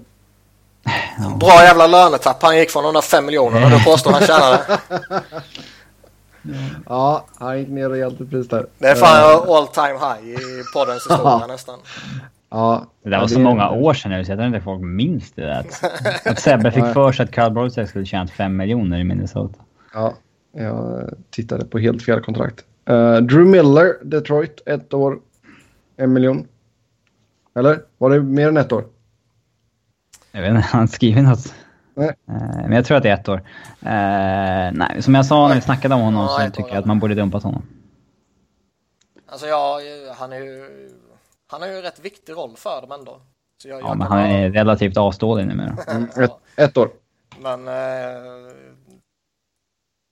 det känns någonstans kanske det känns rätt givet ändå att de förlänger med honom. Ja, Vi de vet gillar ändå sina att veteraner. ja, de gillar sina veteraner och de gillar de här eh, trotjänarna. Fan inte bra. Men eh, Just det, en sak vi glömde säga eh, om Mm. Eric Lindros är att det stora eh, trade-trädet som Ja. Lindros skapade i Colorado och Quebec-organisationen. Det dog ju samma dag som han kom in i Hall of Fame. I och med att Avalanche släpper Brandon Gormley som UFA. Fatta vad coolt det är! Samma dag som han kom in i Hall of Fame så dör trade-trädet. De eh, Hall of Fame-kommittén har ju bara suttit och väntat på att traden ska dö så de kan ta in honom. Exakt. Han räknas fortfarande som aktiv i ligan. Trädet igång. Ja, sen Ottawa ger inget qualifying offer till uh, Patrick Verkiok som blir UFA. Jag tycker det här är konstigt. Alltså, eh, De har aldrig gillat honom. Man har inte... alltså på, på ett sätt är det väl rätt givet att de inte ger honom qualifying offer med tanke på att det skulle bli ett rätt dyrt kontrakt. Eh, Mm. och de då uppenbarligen inte tycker om honom. Eh, så det, det är ju fullt rimligt i så fall. Det konstiga här är ju att man inte tycker om honom. Ja. Och att man... Det har ändå funnits ganska stort trade-intresse för honom de senaste åren. Mm. Så att ge honom ett qualifying offer och skeppa honom då, hade det varit omöjligt eller? Nej, det vet jag inte. Jag tror inte det. Nej, det tror jag inte. I alla fall eh, om man... Jag menar fifth rounder liksom. Om, om man verkligen inte gillar honom Nej. Ja, Eh, exakt. Bara så att få någonting. För jag kan ju mycket väl tänka mig att han kommer ge intresse på marknaden nu.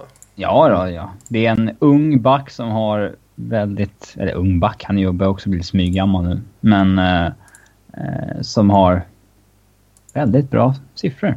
Mm. Fyller 26 i september visserligen, så att Ja. Börjar brinna. Ja, men alltså, jag, jag, skulle ju hellre gå efter honom än vad jag skulle gå efter liksom en... Uh, vad fan ska vi hitta på? Chris Russell liksom. Ja, Ja. Som, som förmodligen jag, jag tror kommer vara rätt eh, attraktiv på marknaden. hade hans hype dött lite grann? Jo, det har den. Men jag tror fortfarande att han kan vara lite attraktiv. Mm. Eh, du, ska vi se. Robin, du ska få ge din senaste angående Alexander Radulov. Det kom ut lite conflicting eh, vad heter det? news där häromdagen. Eh, Ja, Freeman Först- skrev ju att han hade resignat KHL. Eh, Mm. Med, med Salavat. Salavat. Zalavad Julajev. Eh, Men både klubben och hans agent förnekar ju det. Ja. Och jag tycker inte att det vore logiskt för honom att signa där nu. Alltså varför skulle han signa några dagar före July 1st liksom? Det hade inte varit logiskt för fem öre. Det... Om vi säger att han har krävt de där 7,5 miljonerna på två år. Det är klart att ingen vill betala det nu, men om vi säger att Stamkos säger nej till Detroit. Och Louis Eriksson säger nej till Detroit. Och... Nej, men det är klart att desperationen hos Detroit kommer öka avsevärt då. Alltså, Radulov har ju bara tjänat på att ha is i magen och vänta på att han ska bli det hetaste namnet på marknaden. ja, det är klart. Ja, det blir inga problem för honom att få ett kontrakt i KHL ifall det skiter sig liksom. Nej, det kan han ju få i oktober om han vill. Ja.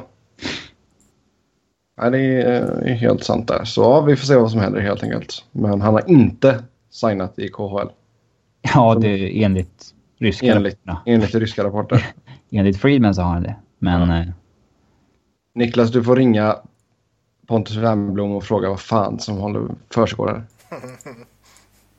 Han får ha koll på det. Jag vet får, han, Jag vet inte om han blir är någon... ny- eh, han får bli insider. nya Rysslandsexpert. Ja, Robin petade vi från den titeln för länge sedan. Ja, det är sant. Ja, sen Evander Kane är i eh, nya problem och eh, sägs vara tillgänglig. Um, ska vi se, nu ska jag bara läsa en ny- nyhetsrapport här från Buffalo News. Uh, Buffalo Sabres winger Evander Kane physically harassed two women inside a Chippewa Street bar early Friday. Then outside the bar grabbed one of them by the throat and tried to shove her into his car, according to two just released Buffalo police reports. Oj. Ja, det är inte jättebra. nej, det låter ju mycket olämpligt. Ja. ja, bra analys Robin. Mm.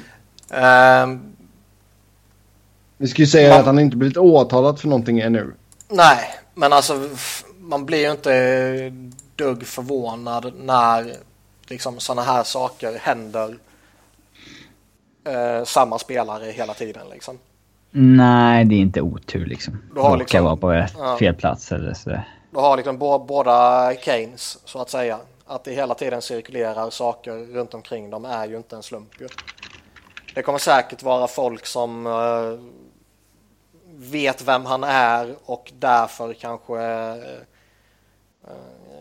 jag menar blir, blir det lite bråk utanför random bar så allting, ett rykte kan eskalera fort. ja, och liksom, eh, allting polisanmäls ju inte.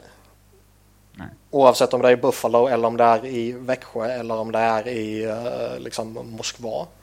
Mm. Men när man ser vem det är som du har hamnat i bråk med eller din kompis har hamnat i bråk med eller något liknande så Då kommer ju Snapchat fram. Ja, då finns, det en, då finns det en större sannolikhet för att det leder till en anmälan eller att det kommer ut i, som Robin sa, på Twitter eller Facebook eller Snapchat eller allt vad dagens Tinder kan eller, tänkas använda. Liksom. Ehm, så det här kanske är en grej som sker varje natt i Buffalo, men bara för att det är han så, så uppmärksammas det. Ehm, men med det sagt så alltså fortsätter man att hela tiden hamna i problem. Så. Nu har vi siffrorna här på Columbus Blue Jackets kontrakt med Seth Jones. Sex år, 5,4 miljoner. Ja, Det var ju bra mycket billigare än vad som spekulerades. Mm. Spekulerades kring ett offensivt på kring 7. Nu blev jag ju mycket Lite kär i Jarmo. Nej. Lite love for Jarmo. Ja. Bra Kekke. Mycket besviken på att det inte flippade ur. Det är väl det först, första Mm. Hade jag varit Seth. Jones så hade jag ju sign, velat signa så få år som möjligt för att ta sig till UFA. Alltså, jag hade signat exakt de åren som Ja. ta, ta, skulle ta honom till UFA. Eh, eh, men, eh, ja, det ligger ju ändå... Vad är det? Strax över 30 miljoner dollar i det där kontraktet. Det är bra pengar också. Mm. Ja, och han kommer få ett nytt stort kontrakt ju. Det behöver man inte oroa sig Ja, det kommer, det kommer gå ut när han är 27. Och då Ja. kommer han vara Högvilt. hypad. Ja. Japp. Eftertraktad. Mm. Ehm, men Evander Kane, alltså, ser ni något lag som skulle vilja ta i honom med tanke på de här problemen? Och det skulle väl definitivt ehm, sänka hans värde. Alltså jag, jag vet inte riktigt hur det, hur det rent lagligt funkar här nu. Liksom om, om han blir eh, liksom Om han blir åtalad. Ja, och, och han hela det här köret. staten? Ja, om han får lämna det och om man liksom... eh, Jo, alltså det får han göra. Alltså, det... Man kan inte flytta till Kanada. Eller? Jo, men han får åka tillbaka till Buffalo i så fall bara när det är rättegång i så fall. Mm. Ja, men liksom säg, säg att det blir så, så blir det rättegång och så, så kan ett nytt lag ta in honom. Och vill man göra det om det finns en, en risk att det blir en rättegång och vad kan en rättegång i det här fallet leda till? Jag är ju liksom ingen expert på amerikanska lagar. Nej. Ehm, Så där, där bör väl det, om, om det finns någon risk att man kan hamna i problem, att han liksom eh, Att han missar matcher och grejer. ja, missar matcher och grejer och allt ifrån liksom samhällstjänst till fängelsestraff och till eh, det här som Robin var inne på att man inte får lämna staten eller man kanske inte får lämna landet och sådana grejer. Jag vet inte vad, vad en sån här grej kan leda till. Men om det finns en sån risk så skulle man ju definitivt inte trada till sig honom. Däremot sen- vet vi sedan tidigare att GMs skiter fullständigt i om spelarna är svin eller inte så länge Ja. de inte får ta det. Ja. Alltså så länge det inte får rättsliga konsekvenser bara. Eh, däremot tror jag att Evander Kanes svaga säsong i fjol har väl skrämt mer än vad, eh, eh, än vad den här grejen har gjort tror jag. Jo. För eventuella trade partners. Mm. Han sitter ju på två år kvar på kontraktet 5,25 miljoner capita. Um. Sen New York Rangers försöker göra sig av med Dan Girardi och Mark Stahl. Ja, det, det vet vi. Lycka till! Ja. jag, jag vet inte, har det kommit fram något nytt? Finns det några takers? Ja, Tobbe får väl något att säga i chatten hoppas jag. Ja. Jag kan inte tänka mig någon som borde vara intresserad av Alltså Gerardios rykte har ju fallerat så högt att eh, det kan ju inte vara någon som vill ta det längre. Eh, Ja, alltså så fan. jag eh. Underskatta inte de galna eh, bossarna i ligan. Nej, men han har blivit så hånad nu, Gerardi. Det kan inte... Nej, jag, jag kan inte... Jo, jag, jag kan mycket väl se att det finns någon, någon galning som, alltså. Vi slänger ju mycket skit på vissa GMs i ligan och man slänger ju skit på dem av en anledning. Och alltså typ en Jim Benning och Don Sween och, och Jarmo nu trots att han precis gjorde något jättebra. Men eh, jag, jag är helt övertygad om att det finns GMs som eh, är redo att ta in Eh, Dan Girardi. Mark Stahl är väl inte lika crazy att ta in. Även om kontraktet Nej. är lite dyrare och ett år längre. Han är ju fortfarande en duglig spelare liksom. Mm. Dan Girardi tror jag mycket väl att han uh, kan plockas upp. Sen kommer han väl inte plockas upp och frigöra 5,5 miljoner åt Rangers. Utan man måste ju förmodligen ta något tillbaka. Mm. Men i det här fallet kanske det kan vara värt att göra det. Ja, vi får, vi får se vad som händer. Sen eh, snack om att det bara behövs en third rounder för att få Neil Jakobov. Mm, jag vet inte riktigt om jag tror på det. Om det stämmer så... så... skulle han vara tradad för länge sedan. Det är jag helt övertygad om. Ja. ja, vi har ju sett folk trada tredje för så här spelare som... Alltså... Har draftats bra mycket senare än honom men ändå fått ett par chanser till för att de är first rounders liksom. Mm. Eh, Däremot tror jag väl att det är så att det kanske... Eh, alltså det här har missquotas lite. Snacket som gick först var väl att de inom Oilers kände att det inte var någon mening att trada Jakobov för det bästa de kunde få just nu var typ en third rounder. Ja, det är mycket möjligt. Eh, eh, inte att de är villiga att ta en third rounder. Det, Nej, det, det förstår man ju att de kanske inte är sugna på att bara ta en... För jag menar det känns alldeles för billigt. Även fall inte han har levt Ja, då kan de lika gärna låta honom spela ut kontraktet. Ja. Ja, ja. Alltså han har någon sån rental liksom. Mm. Det hade varit bättre i så fall. Vi får väl se om man kan få någon form av uppstuds här. Um, ett år kvar på kontraktet som sagt 2,5 miljoner i capita så det är ju inget. Det är inget svårt kontrakt att bli av med ifall de nu nej, nej. bestämmer sig för att han inte kommer att funka i Oilers. Uh, mer Oilers-snack. Uh, rykten om att Edmonton kommer skicka Taylor Hall till New York Islanders mot Travis Hamonic om Milan Lucic signar i Edmonton. Det, kom, det är faktiskt lite intressant för det kom ju lite snack om det var, nu minns jag inte om det var igår kväll om det var idag, att uh, Lucic typ har bestämt sig för att signa med Edmonton. Och att mm. de är överens men att de bara väntar till uh, ja, första juli liksom till att offentliggöra. Mm. Men vad tror verkligen folk inom Oilers att Taylor Hall inte har högre värde än en Travis Hamonic? Eh, ja. alltså jag kan förstå att man skickar... Jag kan, jag kan förstå om man skickar Taylor Hall om det är liksom P.K. Subban är på bordet. Ja, då är det klart man gör det. Då tvekar du inte. klart, men det är... Jag kan förstå att man gör det då. Men Tycker du inte det är klart? Först... Du får igenom ligans bästa backar och du offrar en, eh, en bra en ligans bästa left-wingers, ja. ja. Det är väl... Det är inte så att man... Ja, inte klart, men jag skulle nog också göra det, ja. Eh... Jo, det är klart. Jo. Det är en topp 10 left-winger i ligan i alla fall. Jo. Eh... I första hand vill man trada Ryan Nugent Hopkins. Mm.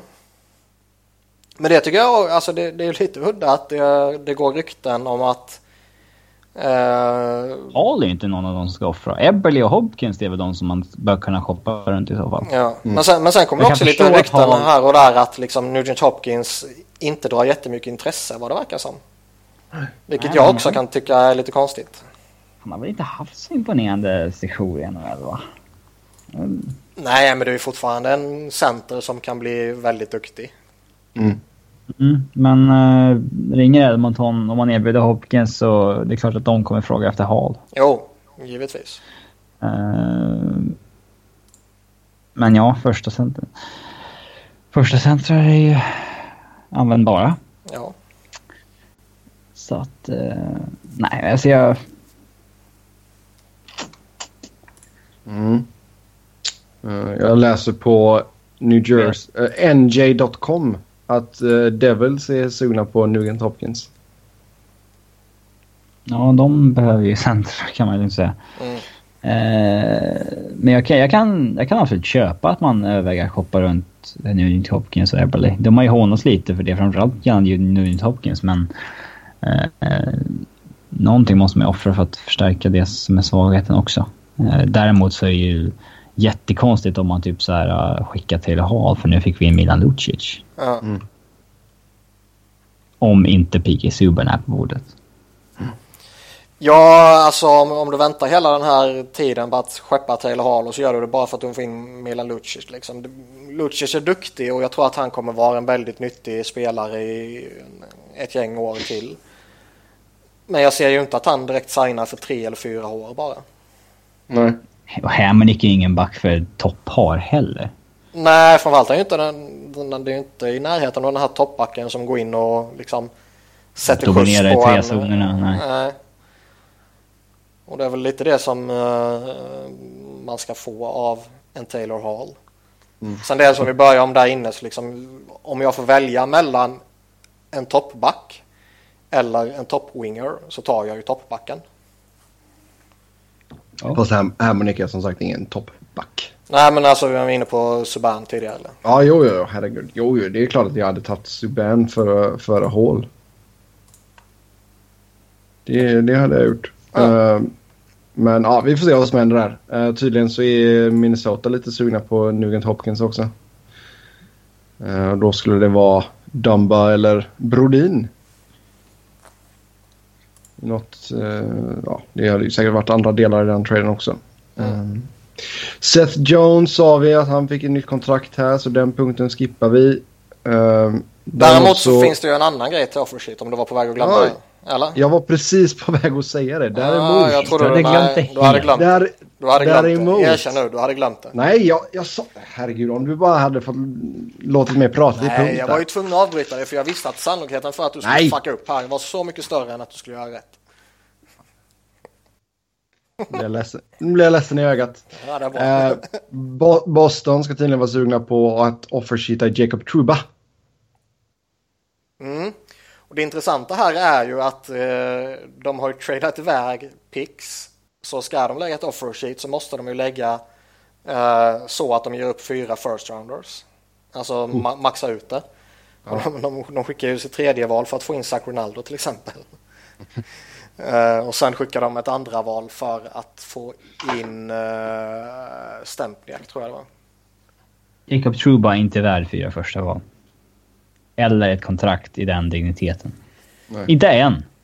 Nej, nej, alltså... Eh, förmodligen kommer han väl inte bli det heller. Men... Det eh, vågar inte jag säga, men alltså... Det vore...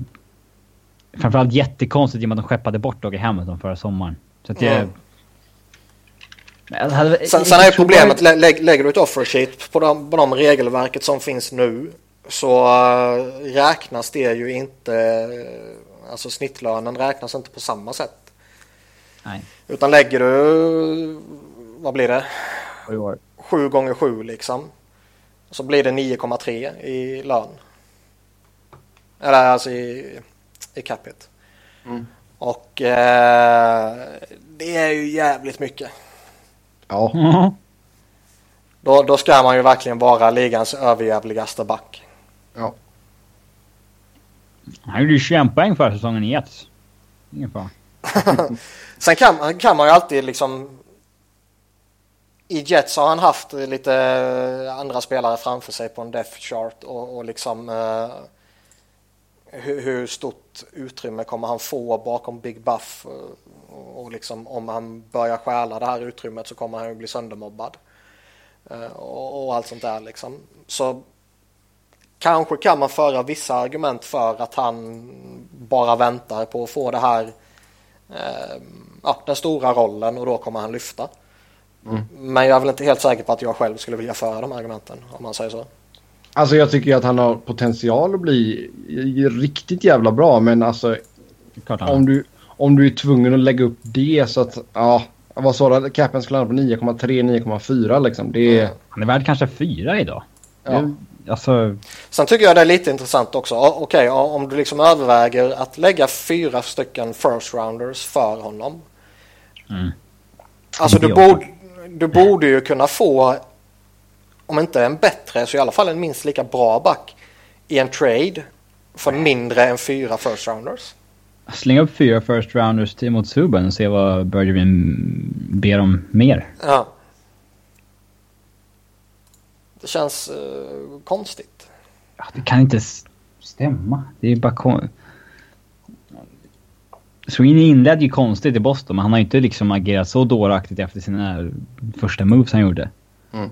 Så att han, det vore ju väldigt märkligt. Hade jag varit Jets hade jag suttit och hållit tummarna för en offersheet. Jag hade nästan låtit honom gå på marknaden bara för att se om det skulle ske. För det är ju, alltså skulle de få in fyra förstahundsval för honom. Det är ju klockrent. Det är ju bara skratta hela vägen till banken Ja, och ge det tar man ju. Don Sweeney dubbelfacken. Ja. Ja. Yes, eh, vi går vidare där. New York Islanders och Frans Nielsen ska vara nära en förlängning. 6-7 år, omkring 5 miljoner capita. Betala inte för vad han har gjort Islanders. Betala för vad han kommer göra.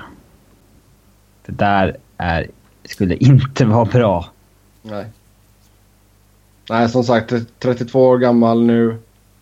Ehm, har varit underbetald för det han har presterat kan vi lugnt säga. Tjänat sjukt dåligt sett till hur bra han har varit genom karriären. Ja. Eh, men uh, ja, nej. Det är alltså skulle man signa honom på sex år för fem miljoner. Nej.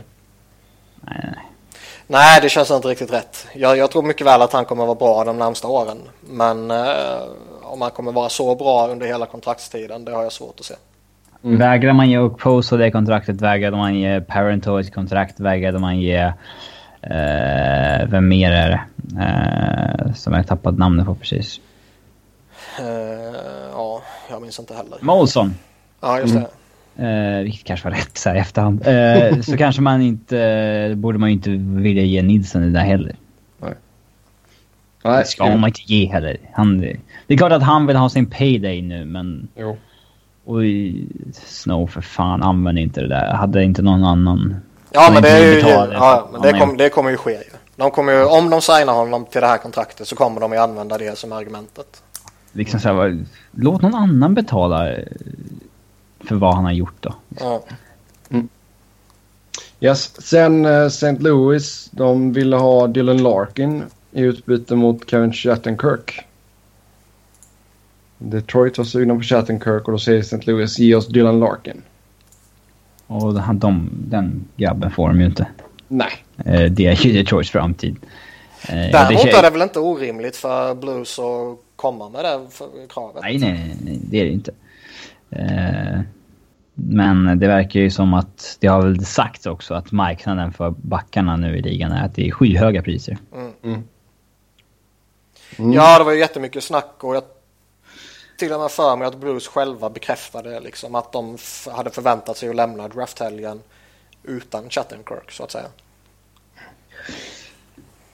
Alltså Shattenkirk, alltså.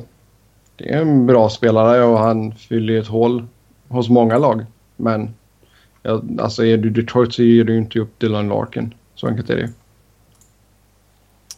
Eh, ja, det är det väl.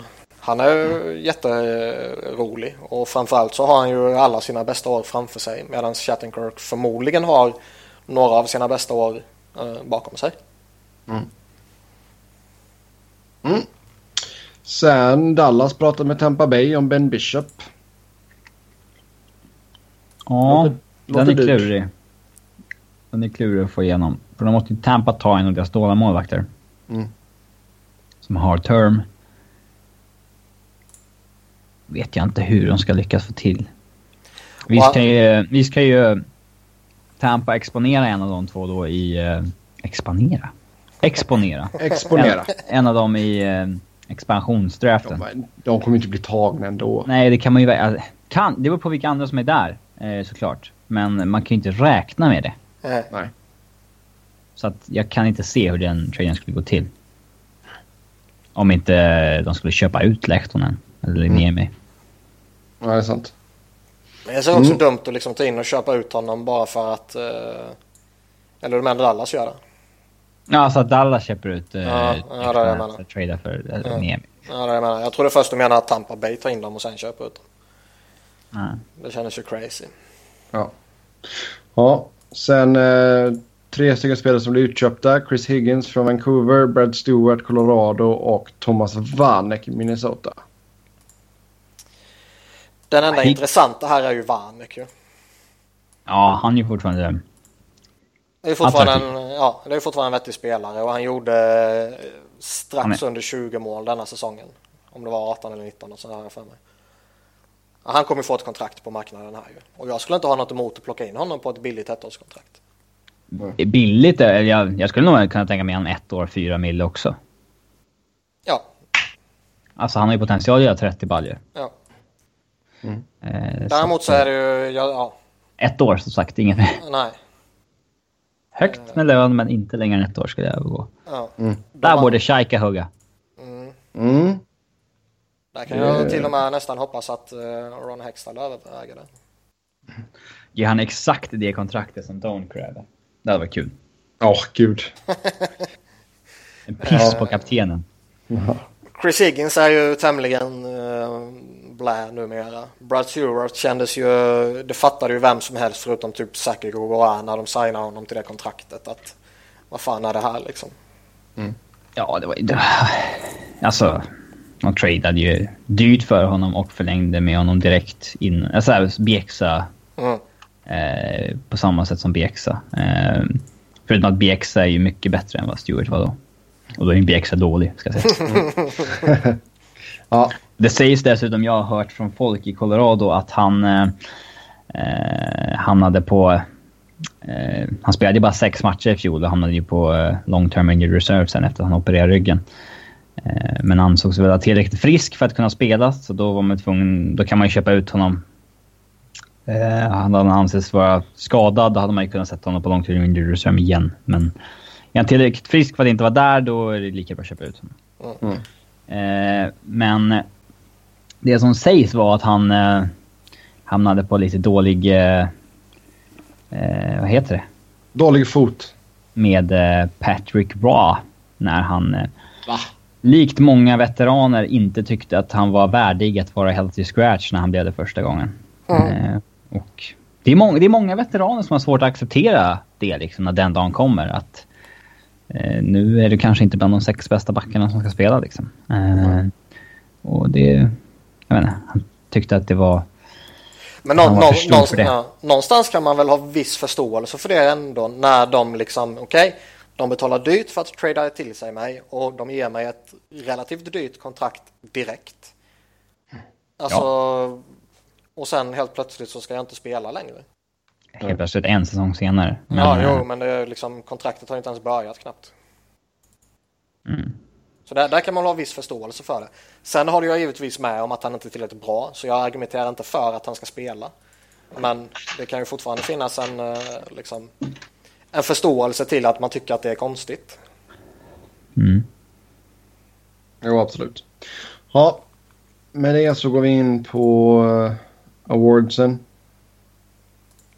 Hart Trophy vann av Patrick Kane till Lindsay Award.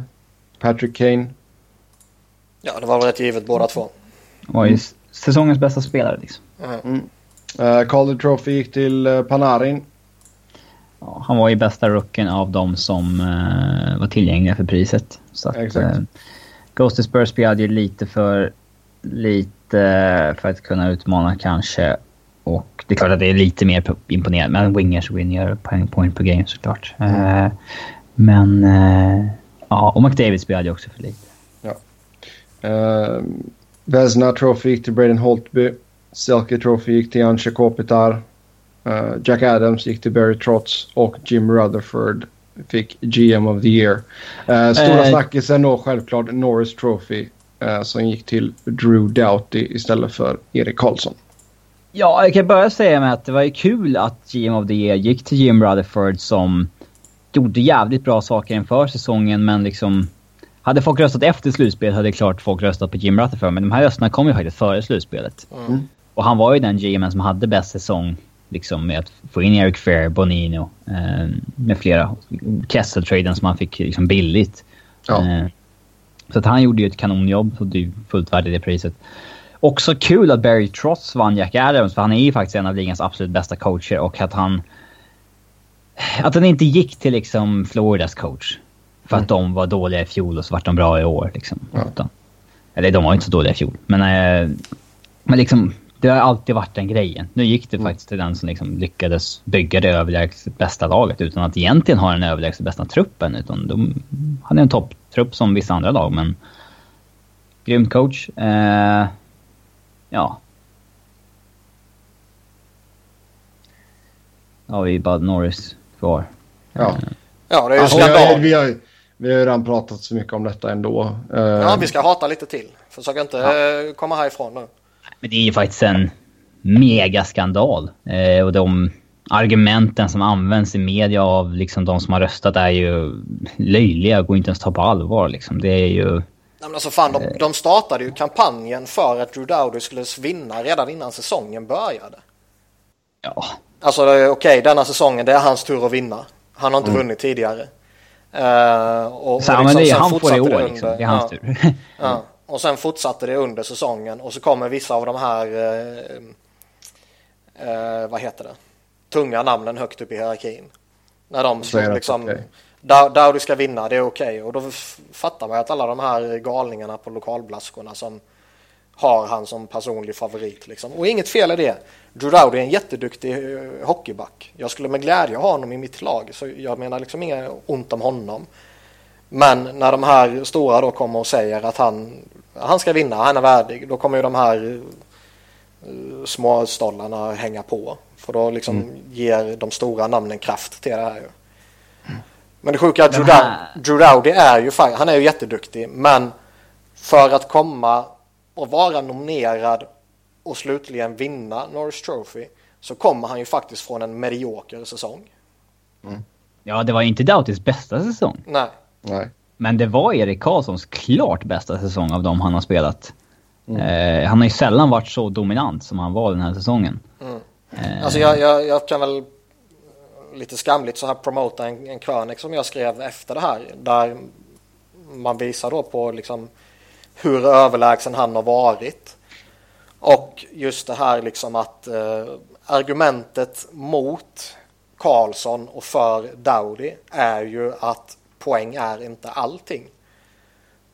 Och det tycker jag väl är en relevant diskussion att ta liksom. Poäng är inte allting. Du måste kunna göra fler saker än att bara göra mål och assist liksom. Men även om man nu anser att Erik Karlsson är en sjukt endimensionell back, vilket jag inte tycker att han är längre, för jag tycker han har utvecklats hela sitt spel på ett väldigt bra sätt. Men även om man tycker det så måste man ju fatta att han gör en historiskt bra säsong när han producerar på Bobby Orr-nivå liksom. Ja, det var... Alltså... Bara det argumentet att det var hans tur, det var ju... Det är skitsamma. Ja. Vem var den bästa backen i NHL 15-16? Det är det priset handlar om. Det spelar ingen som helst roll vem som har vunnit tidigare. Nej, och liksom pra prata det här lite som de kör också att ja, men Drew Dowdy han har ju varit ligans bästa back de senaste åtta åren eller vad det nu är. Ja, då kunde de ge Babcock Jack Adams i år också liksom. Ja. Alltså han, Dowdy har väl... Det finns väl en viss eh, liksom, poäng i att han mycket väl kan ha varit den bästa backen. Men han har inte varit bäst något år. Nej, liksom över de senaste fem säsongerna kanske ja. han är tvåa. Ja jämn nivå. Sen märker man ju också att poängproduktion genom åren har ju alltid varit en jätte, jättestor faktor när det kommer till Norris Trophy. Mm. Från millennieskiftet fram till idag så har det liksom vinnaren slutat etta eller tvåa i backarnas poängligan 12 av 17 gånger. En gång kom han trea, en gång kom han femma, en gång tolva och det var Mike Green Eh, när han vann så överlägset och eh, Zdeno Chara vann Norris istället. Eh, och en gång så var det lockout så då var det ju såklart inget pris. Den här säsongen kom Dowdy på tionde plats i poängligan. Och jag menar det tycker jag ju är relativt relevant ändå att titta på att poängproduktion är faktiskt väldigt betydande när det kommer till Norris Trophy. Och när vi har då en, en back som pissar in poäng och som det är liksom inget snack om att han någon bara gör sina poäng i powerplay och sådana grejer för det är ju inte heller sant ju. Uh, och ändå så bara väljer man att blunda för honom bara för att en annan förtjänar det över tid typ. Det blev ju så tydligt när listorna kom ut och man ser att det liksom är... Det var ju typ 20 pers som inte ens hade haft med Erik Karlsson på topp tre. Ja. Men hur mycket, hur mycket, vad var ni villiga att göra för att Drew Doughty skulle vinna det här egentligen? Mm. Liksom? Det var en konstig jävla kampanj och det var ju ovärdigt hela awards-grejen verkligen. Det, nej, mycket, mycket märkligt. Eller märkligt Mm. är det ju. Alltså vi hade ju, vi hade ju en liknande alltså, mediakampanj för Carey Price. Men det kändes ju som att han... Men det var ju legitimt ju. Det var ju, ja, alltså, det var ju mer som stod bakom det. Alltså, just Sen är, sen är det ju klart att det blir overkill bara för att det är en kanadensare i Canadiens liksom. Det var ju Ja. li, lite, lite hårdare än vad det eh, skulle vara så att säga. Men Mm. eh, han var ju Egentligen- legitimt en av de bästa. Egentligen är det ju lite samma sak med Selke i år också. Partis Bergeron är ju den bästa tvåvägscentern, men det är tråkigt att han vinner igen, så därför får han Chicago-priset. Men det var ju som någon, jag kommer inte ihåg vem det var men jag retweetade liksom under awards-natten där eller dagen efter eller vad det var att eh, de här två priserna är ju i år priserna för liksom att ja, ja, vi är trött på att samma spelare vinner, vi väljer någon annan istället. Trots att den nya inte förtjänade lika mycket. Men eh, Kopitar-grejen är en mycket mindre skandal än Doughty-grejen. Ja, ja, verkligen. Mm. Ja. Det var awardsen det. Då går vi vidare till draften. Eh, först och främst, vad tyckte vi? Sådär spontant. Det är kul med draft. Mm. Helt, helt okej sändning. Uh, Batman blir buad som vanligt. Ja, det är bra. Det ska han bli. Jag buade också på Twitter. Bara skickat långt så. Bu. Jajamän. Det är viktigt. Ja. Eh, nej, men alltså den stora grejen det är ju Puljujärvi. Mm. Att trots att Edmonton inte vinner lotteriet så vinner de lotteriet. Eh, Ja, vi ju säga det då om det är någon som missade det så tog ju eh, Columbus Pierre-Luc Dubois istället för Puljujärvi då som föll. Så att Edmonton kunde plocka honom som fyra. ja. Och det var ju jättekonstigt. Alltså visst, det finns väl någon form av prestige i att gå etta i draften och gå topp tre och topp 10 och i första rundan hela det här köret liksom. Men när folk på fullaste allvar sitter och spekulerar över att Jesse Puljujärvi är besviken för att Columbus inte valde honom och han hamnar i Edmonton istället. Fattar de vilken center han går från att spela med till Ja, vilken center han går till att spela med. Han går från Brandon Dubinsky till att förmodligen kunna spela en hel jävla karriär jämte Connor McDavid. Ja. Och så sitter man och pratar om att nej men Puljujärvi han är nog väldigt missnöjd med att inte gå topp 3. Men de verkar inte förstå det där i USA och Kanada att liksom... Vart spelare går i draften är ju... Det betyder inte så jäkla mycket för européerna. Det är ju mycket viktigare att hamna i rätt situation. Mm. Det verkar vara en enorm prestige bland transatlant eller nordamerikanerna. Ja, att det är liksom, klart det. Att, att komma etta, tvåa, trea, fyra liksom. Så här, det, ja, jag, hade jag varit i draften så hade jag mycket hellre fallit liksom 20 platser för att hamna i rätt lag än att liksom eh, gå högt. Mm. Ja, det är klart. Så det är Det- väl Jo, det- honom att hamna i Edmonton. Och det är inte ofta man säger det. Nej. Men nu, nu är det ju, sen, sen de fick in McDavid nu, så är det ju nu jätteattraktivt. kan de fan inte misslyckas. Om de inte tradar Taylor Hall och Travis Hamonic såklart. Ja. Nej, nej, men alltså det är som du säger där Robin. Alltså det, är, det är mycket prestige här borta i att komma så högt som möjligt. Ehm, det är väl lite av det tänket man har här borta. Men eh, jag menar. Alltså är jag Puljujärvi så som du säger Niklas alltså. Dubinski eller McDavid. Det är ju inget snack om saken. Det jag hade varit skitglad att komma. Jag hade varit skitglad att komma till Edmonton. Så what ifall liksom vädret suger pung där liksom. Det, det spelar absolut ingen roll. Du Ja, får spela liksom- med... Du får spela med McDavid. Det... Ja, och ä- även om du nu inte hamnar jämte Connor McDavid utan eh, nej, man kanske behåller Eberle och sen får helt plötsligt Eberle och McDavid få någon jävla super magisk eh, kemi liksom så Puljujärvi spelar i en andra kedja. Då får han spela med liksom Nugent Hopkins eller eh, Dreisaitl. Ja. Och jag skulle välja båda de två före jag vill spela med eh, Dubinsky. Absolut. Det kan, alltså... Nog för att vi hela tiden hånar att de aldrig kommer iväg någon gång. Men det finns ju faktiskt potential för att bygga en dynasti i Edmonton. Ja, nu finns det ju Eh, jättestor det potential. finns det inte i Columbus. Nej. Och nu har ju All framförallt respekt Columbus... åt Alexander Wennberg, men... Columbus har ju bra folk i ledningen nu. Det hade de inte tidigare och det var därför de hånades ju. Mm. Nu Men jag har vet inte ju- fan hur vass Chiarelli är. Så jag trodde att han var vassare. än- Han, Han är ju betydligt vassare än stollarna de hade tidigare. ja, men man börjar ändå tvivla lite grann på hur vass han är. Mm. Jo, det håller jag med om. Det gjorde jag också, framförallt i slutet på Boston. Eh, men jag har ju hellre honom än vad jag har uh, tidigare i ledningen liksom. Craig McTavish. Eh, Ja. Vad Nej, är på draften? Ja. Eh, var det några andra val som förvånade oss? Alltså självklart då var det ju förvånande att Dubois gick som tre istället för Puljujärvi. Var det några andra val som stod ut? Alltså om vi håller oss till...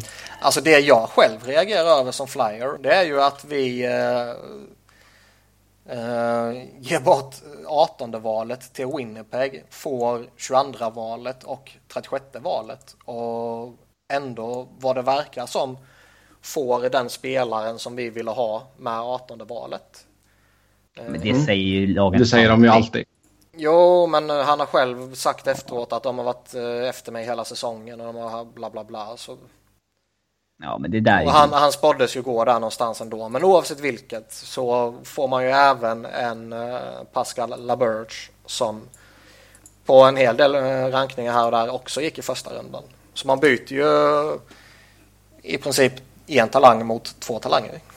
Vilket givetvis är jätteattraktivt. Och framförallt blir det ännu lite roligare när Jets då byter upp sig för att ta liksom Logan Stanley, den här eh, tvåmetersbacken som eh, eh, inte alls kändes jättesexigt att gå så tidigt. Nej, exakt. Uh, I övrigt så var det väl inget som var jätteförvånande. Det vart ju lite kaos där när Columbus startade den där hypen men eh, efter det så föll väl pusselbitarna ganska naturligt. Eh, Det, Det- var det- att Jacob Chychrun föll som han gjorde. Ja, jag tänkte säga det. Eh, och att Arizona då tradar upp för att ta honom. Histor för att någon frågade ju Shaika om det att liksom Analytics brukar säga att man eh, det inte brukar löna sig att trada upp. Alltså liksom procentuellt hur stor chans det är att man får en ölspel liksom. Men det är ändå från fall till fall också. Mm. Han sa ju att de hade en svårt att välja mellan Keller och Chychrun på nummer sju liksom. Så att eh, det är klart att man eh, tar chansen då. Jag, eh, jag var lite sugen på eh, Vitalij Abramov inför draften. En ryss som har gått in och gjort eh, typ dundersuccé i eh, Quebec Major Junior Hockey League. Som det var snack om att han kanske går tidigt i andra rundan liksom. Och kanske till och med kan gå väldigt sent i första rundan. Han följer ju till början av tredje rundan. Eh, vad har vi mer? Vi har ju Ragdolls som plockade upp Sean Day. Mm, 81 valet där. Ja, det är ju Han sa ju att eh, hans, eh, intressant att han- följa. Han sa att han hade haft ett kroppsfett förra säsongen på så här 18-19 procent någonting. Och nu var han nere på 12 procent inför den här. Mm. Eh, så det blir intressant. Eh, en av drafternas mest lovande målvakter blev ju oplockad. Det var lite underligt. Han Sarchenko, va? Eh, jag hade väl... Jag är väldigt förvånad att Fredrik Forsberg inte blev plockad. Han verkar ha blivit helt bortglömd på grund av att han eh, blev skadad i fjol. Mm. för det är mycket märkligt. Det är alltså en 96 född i december som inledde säsongen i Leksand i Allsvenskan. gjorde 11 poäng på 21 matcher. Och såg hur bra ut som helst. Eh, lillebror till Filip Forsberg också. Så att de namnen brukar inte direkt liksom bli helt bortglömda. Nej. Eh, men hade han spelat hela säsongen så hade han garanterat landat på liksom 30 poäng i Allsvenskan som 19-åring. Och det hade man ju garanterat draftat i en andra runda eller någonting på. Nu var han skadad sista månaden och missade säsongen helt och liksom blev odraftad. Den, eh, den förvånade mig mest av liksom svenskarna som jag hade i, i huvudet. Mm. Ja, själv så skiter jag ju rätt heligt i svenskarna. Um... Förutom eh, David Bernhard och... Eh, vem var det mer ni tog? Ja, Linus Högberg, Växjö-spelare. Så då måste ju fan tvingas titta på Växjö Lakers också om han spelar. Mm. Bjud hem han till dig och spela Fifa eller någonting bara. Vad sa du?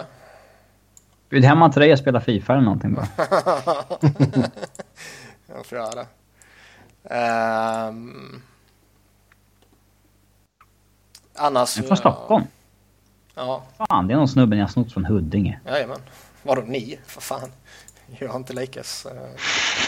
Mm. Men eh, annars, ja. Det intressanta är ju första rundan och det är de man har liksom koll på. Eh, plus några enstaka som går lite senare. Och eh, utöver det här med Puljujärvi så var det väl inga jättegalna saker heller. Chichurin skulle falla, det var väl lite snack om att det eventuellt skulle kunna ske också väl. Mm. Mm, uh, Chikrin gick ju 16 där då till Arizona. Annars känns det väl som att ja, man är väl rätt nöjd också att typ en sån som Mac Jones att de, att, som flyer då, att de inte eh, plockade upp honom. Jag var inte jätteinsatt i Rubtsov på förhand men när man har kollat lite här eh, efteråt så ser han ju fantastiskt lovande ut. Ju. En klok, eh, jävligt klok och finurlig center. Mm. Sen var ju han en av de här som var involverad i den här jävla dopnings eh, skandalen där hela U18-landslaget hade tvingats i sig piller liksom. Det tyder ju på att man vill vinna. ja. ja. Sen sägs det yes. att han, han, eh, han, har ju kontrakt i Ryssland fortfarande men de jobbar ju för att bryta det så att han kan flytta till eh, juniorligan i Kanada. Mm. Um, och det känns ju faktiskt alltid, just när det är ryssar så känns det ju faktiskt rätt skönt att de kommer över till Nordamerika tidigt. Mm. Kan man ta passet från dem bara? ja. ja. Um, det är ju inte, ja, det är inte samma år om du plockar en uh, svensk eller finländare eller tjeck för den delen heller. Nej. Uh, men just ryssar känns ju lite, nu börjar de ju prata lite också, ryssarna, att de är lite oroliga över att så många unga sticker över så tidigt, att de liksom, de tappar sin hockey. Mm. Uh, så vem vet, snart kanske de lägger in en jävla förbud mot att lämna landet liksom. Mm. Ja, det hade ju varit lite segt ifall de satte någon åldersgräns på ryssarna så sett. Mm. Ja, annars någonting. Eh, finns det några spelare som ni tror stenhårt på eller någon som ni tror kommer floppa rejält? Jag tror Arthur Matthews kommer bli duktig. Mm. Uh, vågat val där. Ja. Uh. Hoppas som fan att Patrik Laine floppar. Tyson Jones kommer ju vara en jävla dunderflopp ju. Uh, jag har ingen aning. det är alltså det är, fan, det är jättesvårt. Uh, ja. Det är ju om vissa lag gör någon grej som är liksom sjukt oväntad och tar någon spelare jättehögt upp som man kan sitta och och kritisera och den enda känslan lite man får över det här det är liksom en sån som Logan Stanley ska han verkligen gå 18 och sen samtidigt har jag inte sett honom spela så utan man bara läst och går på vad andra säger och liksom eh, mm. eh, någonstans samma sak med Max Jones då liksom men annars är det svårt att säga något sådär tycker jag. Nu blankar jag på namn. Vem var det som spelade high school? Eh, ja, vem fan var det?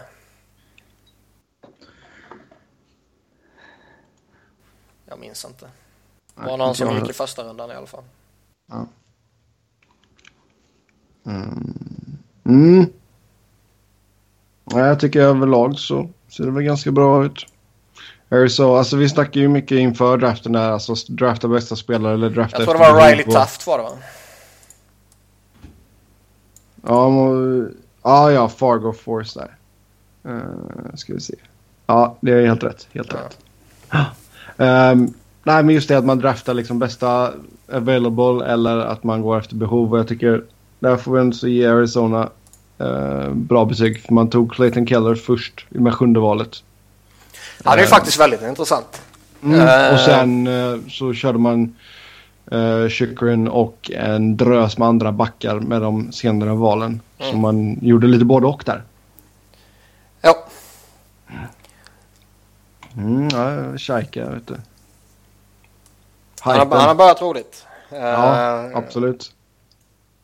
Det hade ju varit roligt om han kom in och bara dominerade ut alla Brian Burke-typer och dem. så här, det rånar dem gång på gång. det skulle också vara jävligt skoj att se hans första dumma sak eller hans första misstag och se om det blir liksom oproportionerligt eh, mycket kritik från de gamla dinosaurierna liksom. Alltså han fick ju ganska bra med skit från eh, Detroit-hållet då med traden för Datsuks kontrakt. Ja, vilket jag Alltså de säger, de säger liksom att Holland tog, han, Holland tog han med byxorna nere och du vet. Ja, vilket är givetvis så jättekorkat och som jag redan har förklarat så är det där kontraktet en tillgång för mm. eh, Arizona eller för vilket lag som nu skulle vilja ta in det med tanke på förutsättningarna. Exakt. Så där har de fel och vi har rätt. Jag har alltid rätt. Eh, vidare går vi till Free Agency. Det börjar närma sig första juli här.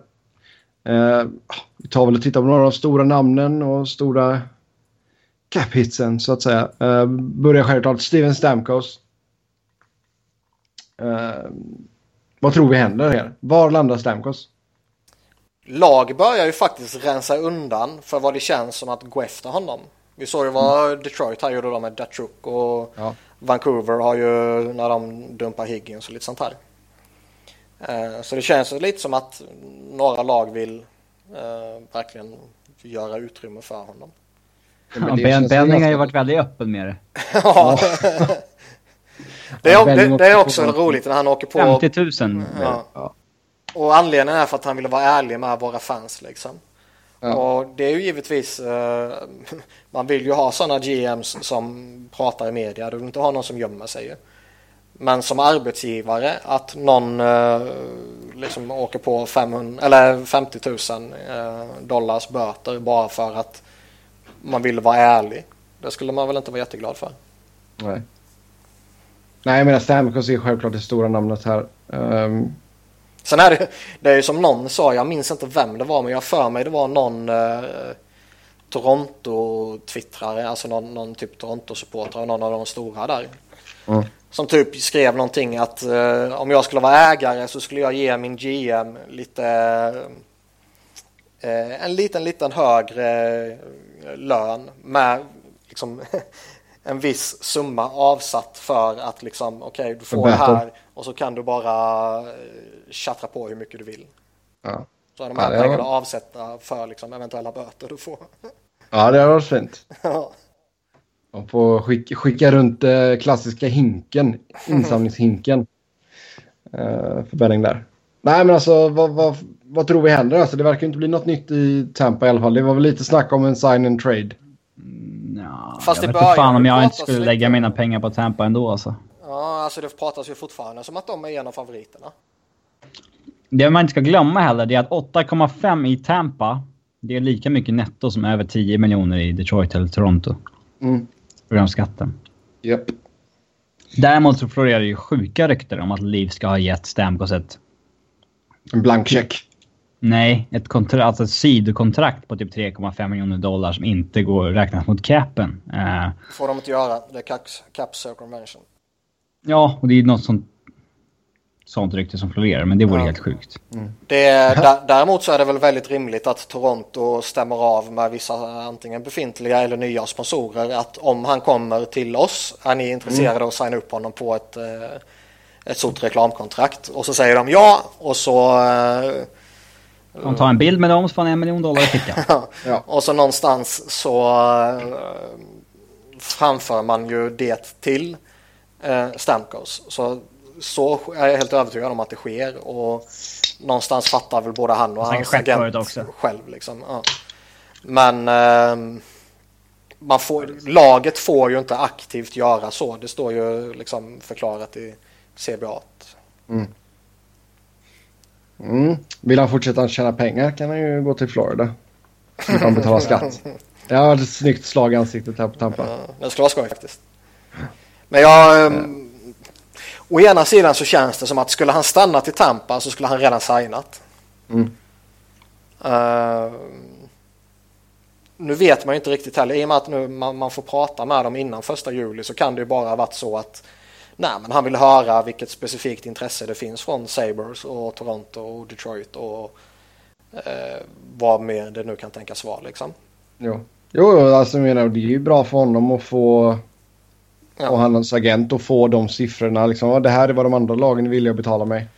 Ja, och jag menar det var ju som eh, Murray i Sabres sa att eh, vi kan ge pengar och plus att vi kan ge geografisk närhet. Liksom. om han inte vill gå till Toronto så kan han bo i Buffalo som bara är en, en kort eh, bit från hans hemstad. Liksom. Mm. Samma med Detroit. Ja. Men eh, Sabres är ju ett lite mer attraktivt läge än vad Detroit är i sin, alltså i, då menar jag inte geografiskt utan eh, vilken fas laget är i. Mm. Ja, men han kan ju gilla att komma till ett lag där han blir the man också. Oh ja. Alltså att han, nu är Detroit blir ditt liksom. Mm. Ny arena, vi ska gå in i en ny era. Det blir Stamkos-eran på det hela liksom. Sen finns ja. det ju faktiskt, vi har pratat om det här tidigare, det finns ju faktiskt, säg att han går till Detroit, eller förlåt, till Toronto. Och så går det två år och sen är han inte första center längre. Nej. Nej. För att Tyler Bozak har snappat upp Ja, exakt. Ja, det är sant. Mm. Sen uh, andra stora namn, alltså han är väl fortfarande ett okej okay namn, Eric Stahl. Ja.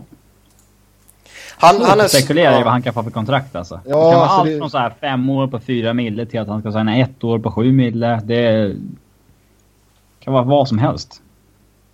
Jag, jag tror fortfarande han har någonting mer att ge. Ja, ja. Och eh, jag tror, alltså du kan inte signa upp honom och låta honom vara din ledande spelare. Då, då är det ju upplagt för ett misslyckande. Men mm. signa upp honom som någon form av secondary scoring och sådana grejer. Det, det tror jag mycket väl man kan få ut något gott av. Så länge du inte skriver ett långt kontrakt och så länge du inte skriver ett dyrt kontrakt. Mm. Arizona igen. Eh, ja, där skulle han ju behöva gå in som första center. Ja, men där kommer han inte ha några krav på sig heller. Nej. Men ja, nej, Var en bra mentor för kidsen. Kom hit på ett tvåårskontrakt. Mm. Få bra cash för vi ska upp, och, upp över golvet. Mm. Du får sola lite. Ja. Ja, det intressanta det här är ju i alla fall att Carolina har ju sagt att han inte kommer återvända. Mm. Åh fan. Mm. Då blir inte Jordan glad. Vilket, ja jag tänkte säga det, det är väl typ uh, den enda som bryr sig om det. Kommer lövblåsen här utanför. Ja, jag hör. Ja. Uh, ska vi se, vad har vi mer? Ja, Werneck snackade vi lite om förut. Men det, det känns väl som något sånt där ett år, fyra miljoner någonstans va? Eller? Eller? Nej, jag kan tänka mig att han får både två och tre år, kanske något år till. Allt beror väl på pris och vilket lag det är såklart. Los Angeles Kings ett år, fyra miljoner. Ni hade det här först. Boom. ja. Det skulle väl eh, någonstans vara ett sånt kontrakt som jag kan se. Ja. ja. Sen Milan Lucic då som sagt, han lämnar ju Kings. Uh, rejält underbetyg till Dean Lombardi där. Ska vi... Kan ge honom en rejäl känga. För att han signade honom eller för att han tradade för honom eller för att han inte kan resigna honom? Nej, för att han tradade för honom och gav upp det han gjorde och uh, har satt... Alltså egentligen för väldigt mycket han har gjort det senaste och satt Kings i den här jävla skitsituationen med capen liksom. Um, och jag menar han, han fick ju indikationer av Lucic alltså att Lucic ville stanna i LA. Men ja, sen... Det var inget liksom, mycket om. Ja, och det var det ju redan när de tradade för honom. Men de har uh, inte råd igenom sex mille. exakt. De har helt enkelt inte råd. Tack. Det skulle man fan inte ge honom heller. Alltså, Tack Dustin Brown. Det är inte hans fel. nej, nej, nej. Det är ju Lombardis fel. Ja. Uh, nej, men Lucci som sagt då uh, verkar närma sig Edmonton. Um, Tror vi att det är där han hamnar eller? Ja. Finns ingen chans för Vancouver? Jag tror att det är... Nej, alltså om du står och väljer mellan Edmonton och Vancouver Och med Ska all glömma- respekt för att han kommer från Vancouver. Ja. Men om du då väljer Canucks så är du, då är du riktigt Oj, korkad. är en jävla fitta helt enkelt. Eh, ja, Nej, typ. men det, det är jättemycket rykten om att det är i princip klart med Edmonton. Och de får ju snacka pengar också eftersom de har gett alla lag officiellt tillåtelse att prata med Lucic. ja. Eh, Så att där, de kan ju mycket väl vara överens. Men de har väl ingen lust att trada för hans rättigheter när de bara kan vänta till två dygn till och sen signa det. Ja. Så att... Eh, mm. Mm. Sen, eh, ja, jag får titta här lite på listan. Louis Eriksson. Louis. Louis? Han är ju Ja. intressant också just med tanke på det att han kändes ju vara på klar nedgång. Mm. Och sen studsade han tillbaka. Han gör ju faktiskt en väldigt bra säsong denna säsongen. Absolut. Eh, Så frågan är om han på riktigt har studsat tillbaka eller om det är den här gamla klassiken att eh, ja, kontraktet gick ut. Nu liksom gör han en bra säsong helt plötsligt. Mm. Personligen så skulle han är 30 bast liksom. Personligen tror jag mycket väl att han kommer hålla en, en fullgod nivå i eh, fyra, fem år till liksom. Och kommer nog i, liksom ligga minst runt 20 baljor och eh, 20, 25, 30 assist kanske. Visst känns Detroit ganska aktuellt?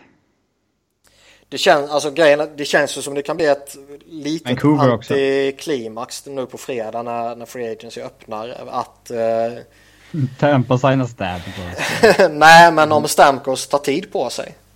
Trots att de har haft nu några dagar på sig att, att prata och så här. Men att han fortfarande drar ut på beslutet så att han kanske, Håller upp allting. ja, liksom och väntar till en eller två eller tre dagar senare. För vi såg ju typ Ryan Suter och Zach Parise när de kom. Så var det ju lite samma att de drog ut lite på det och liksom vissa andra fick vänta på dem.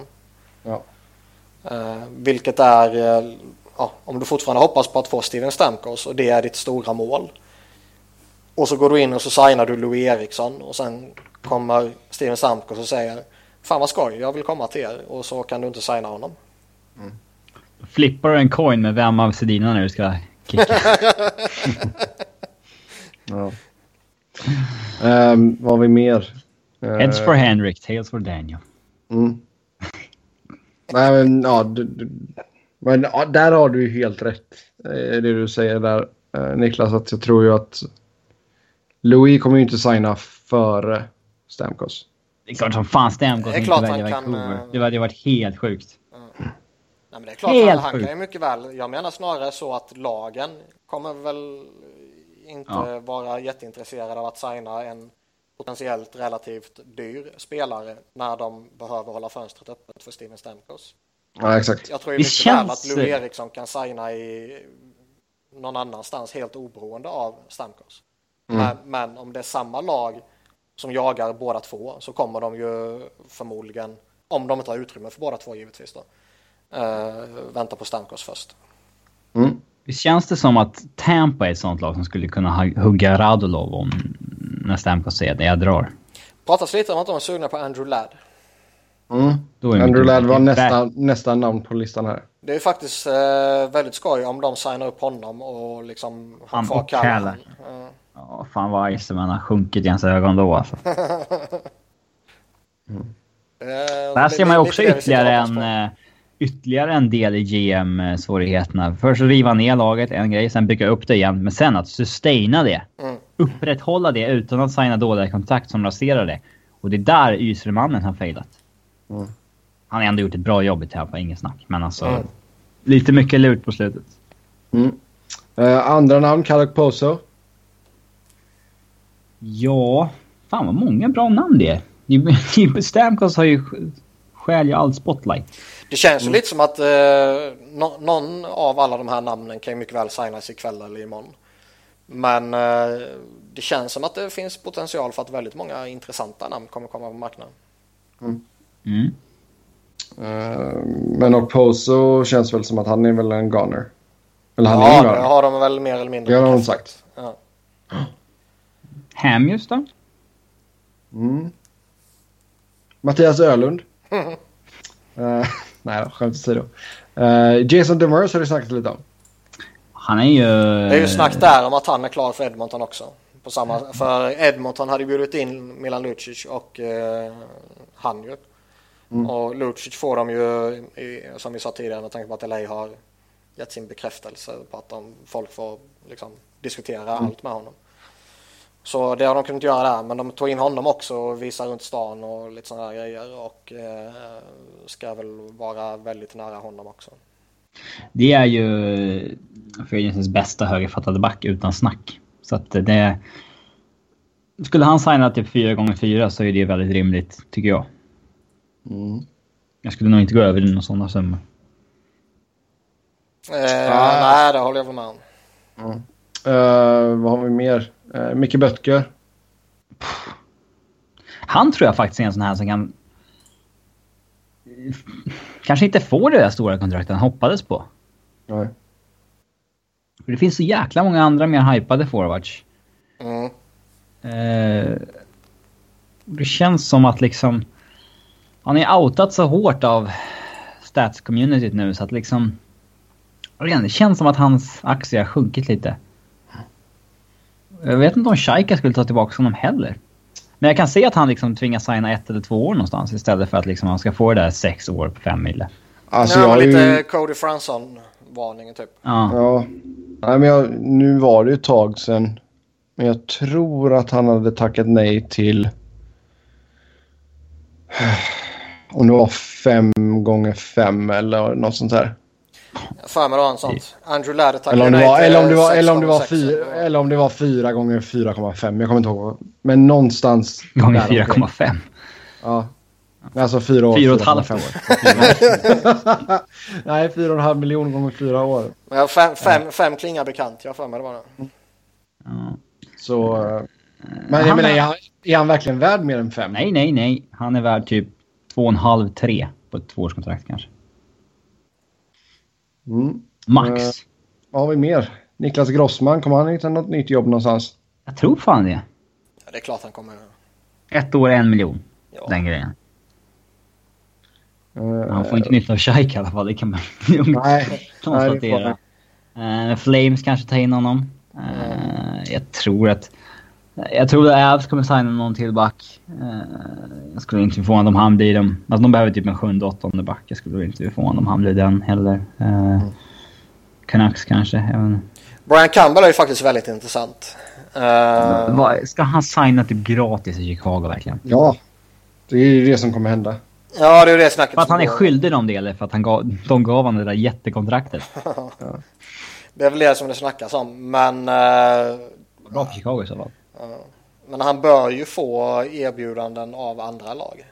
Ja. Som är betydligt mycket mer... Uh, ja, hög, högre liksom. Mm. Ja, mm. Uh, vad har vi mer? Chris Russell? Han är svåranalyserad tycker jag. Han var mm. ju extremt hypad inför trade deadline och liksom Stars var ju redo att pröjsa en first rounder och prospect för honom. Nu gick de inte så pass långt så det blev ju bara en second rounder. Men skulle de gått till conference-final tror jag det var, då skulle de pröjsa en first rounder. Det är också en spelare som har liksom outat så hårt av statsfolket nu så att han... Det känns som att det liksom har... Men det, finns ju, men det finns ju vissa som skiter heligt i det. Ja, men det känns ju som det påverkar ändå marknaden på något vis. Ja, alltså förr kanske det skulle varit tio lag som går efter honom. Nu kanske det är tre. Men jag tror ju fortfarande att han kan få en ett bra kontrakt liksom. Eller rättare, mm. rättare sagt så här, Chris Russell tror jag är en alldeles ypperligt duktig back om du signar honom billigt liksom. Ja, jag minns att jag tyckte att han var så här, ja, rätt underskattad back att ha i sista paret liksom. Så här, ja, något sånt liksom. Ja. Problemet är ju att han har ju hypats upp tidigare som att nej, men han är ju första backs, eh, eller första pars back liksom. Och eh, fantastiskt och åh vilken krigare det är, åh vad många skott han blockar, åh han är helt fantastisk. Och, ja, han blockar många skott, han har en hygglig puckkontroll, han kan röra sig och han är liksom ja, helt okej. Okay. Och det är väl inte fel att signa upp honom och ha honom i en bit ner i hierarkin. Men att eh, ge han det stora kontraktet som det pratades rätt mycket om inför trade deadline där, att han kommer få det den här sommaren och man kanske måste signa upp honom om du tar in honom och så vidare. Mm. Men eh, det snacket har ju dött ut lite. Och frågan är ju, alltså det, är ju jättemånga som det är jättelite snack om. Eric Stahl pratas det ju inte ett skit om. Nej. Inte Lou Eriksson heller. Nej, David Backes pratas det inte ett dugg om. Andrew Inte Andrew Ladd heller. pratas det pytte, pyttelite om. Så David Perron pratas inte ett skit om honom liksom. Mikkel Bödker pratas inte ett skit om honom. Allt snack handlar ju om Steven Stamkos. Och Mm. Milan Lucic till viss del. Ja. Men så man undrar ju liksom att är det bara så att Stamkos bara tar allting fokus? Eller är det väldigt ljumt intresse för de här lite mer etablerade och lite förmodligen dyrare eh, spelarna? Ja, men grejen är att Stam, Stamkos är ju ett sånt stort namn. Alltså det är ju, så, det är ju det sexigaste som hänt Free Agency på väldigt länge ifall han skulle komma och... Oh ja. Ja, det Så sägs jag till och med att det är den största free agencyn i, eller största free agenten i amerikansk sporthistoria liksom. Eh, så att... Eh, det är klart att han stjäl mycket spotlight. Så det, det köper man ju. Uh, ska vi se, jag försöker hitta lite andra namn. Eh, Justin Schultz fick inget qualifying offer av Pittsburgh. Jag men vet det är ju det hade varit på fyra mille typ. Mm. Men jag tror att han kommer stanna i Penguins. Nej, det tror jag inte. Eh, Nikita Nikitin har vi sett det sista av honom. Det borde vi- hoppas jag. Mm. Eh, ska vi se, vad har vi? David Perron nämnde du där. Eh, Parenta ska bli intressant. Men jag, ja, jag i tror. David Perron tror jag kan vara väldigt intressant spelare att följa. Han, Parenta eh, också. Ja, och jag sa David Perron som Sebbe bara gick förbi väldigt fort innan han sa PIP.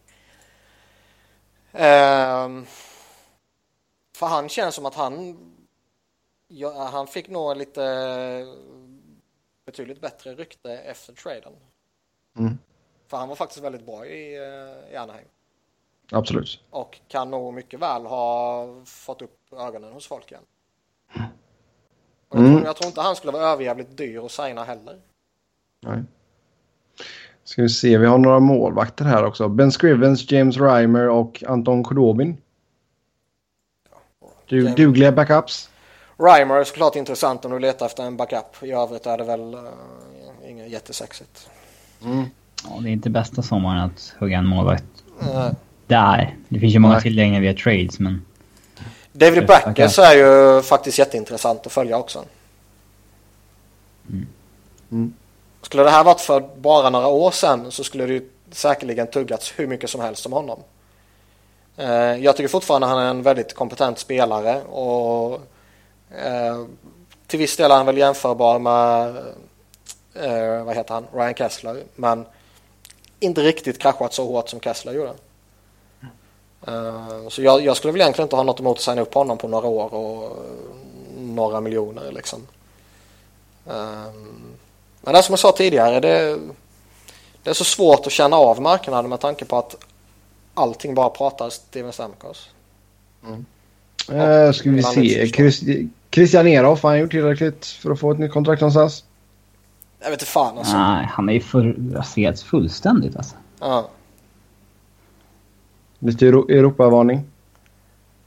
Om man inte lägger av det, men... Mm. Det är Eh, klart. Nej, han verkar ju tappat allt. Han blev uttagen till World Cup va? Då? Ja. Men. Jag har för mig det. Frågan är om han eh, kan spela till sig någonting med en bra turnering där. Ja, kanske. eh, vad har vi mer? Chris Stewart. Eh, Han måste väl ändå ha... Det brukar sina chanser. Ja. eh, ja, Jonas Eneroth nämnde vi lite förut. Det är väl också en bra backup ifall någon är sugen på honom. Vad trodde ni om. Hamius? Han är fortfarande en back som kan spela första par. Vill han lämna då? Ja. Han har varit väldigt inte, men verkar hemmakär tidigare. Nej, men det kan ju bara vara ett sätt för Vancouver att pressa ner priset. Uh, ska se. Jag försöker titta på lite andra namn. Viktor Stålberg. Äh. Jerry Hudler. Mm. Lite sådär smygspännande. Han var ju ändå... Förra säsongen var han ju extremt hypad.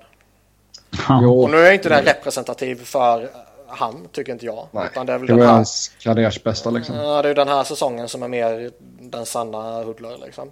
Mm. Men uh,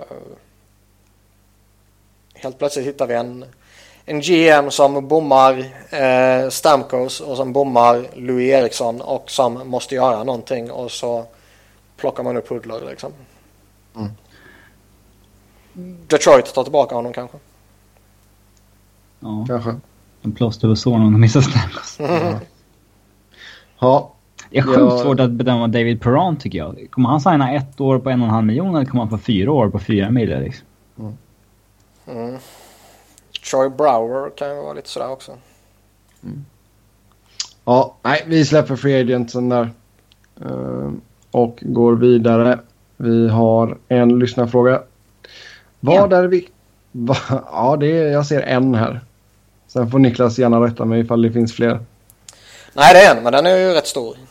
Ja, det kan vi lugnt säga. Vad är viktigast att ha? En första center eller en första back? Hur många legitima första centrar respektive första backar finns i ligan? Gå igenom varje lag. Det beror på vad man ser som legitima. Mm. Det är väl ganska... Någonstans tycker jag att man får ändå anpassa sig till hur ligan ser ut idag. Alltså ja. de, de 30 bästa centrarna i ligan är ju första centrar enligt ligans mått. Så att säga. Ja, det blir en definitionsfråga. Antingen så har man ju väldigt höga krav och, och tänker att nej, men det ska vara en franchise-center. Då är du en första center. Vilket eh, inte finns 30 stycken av ju.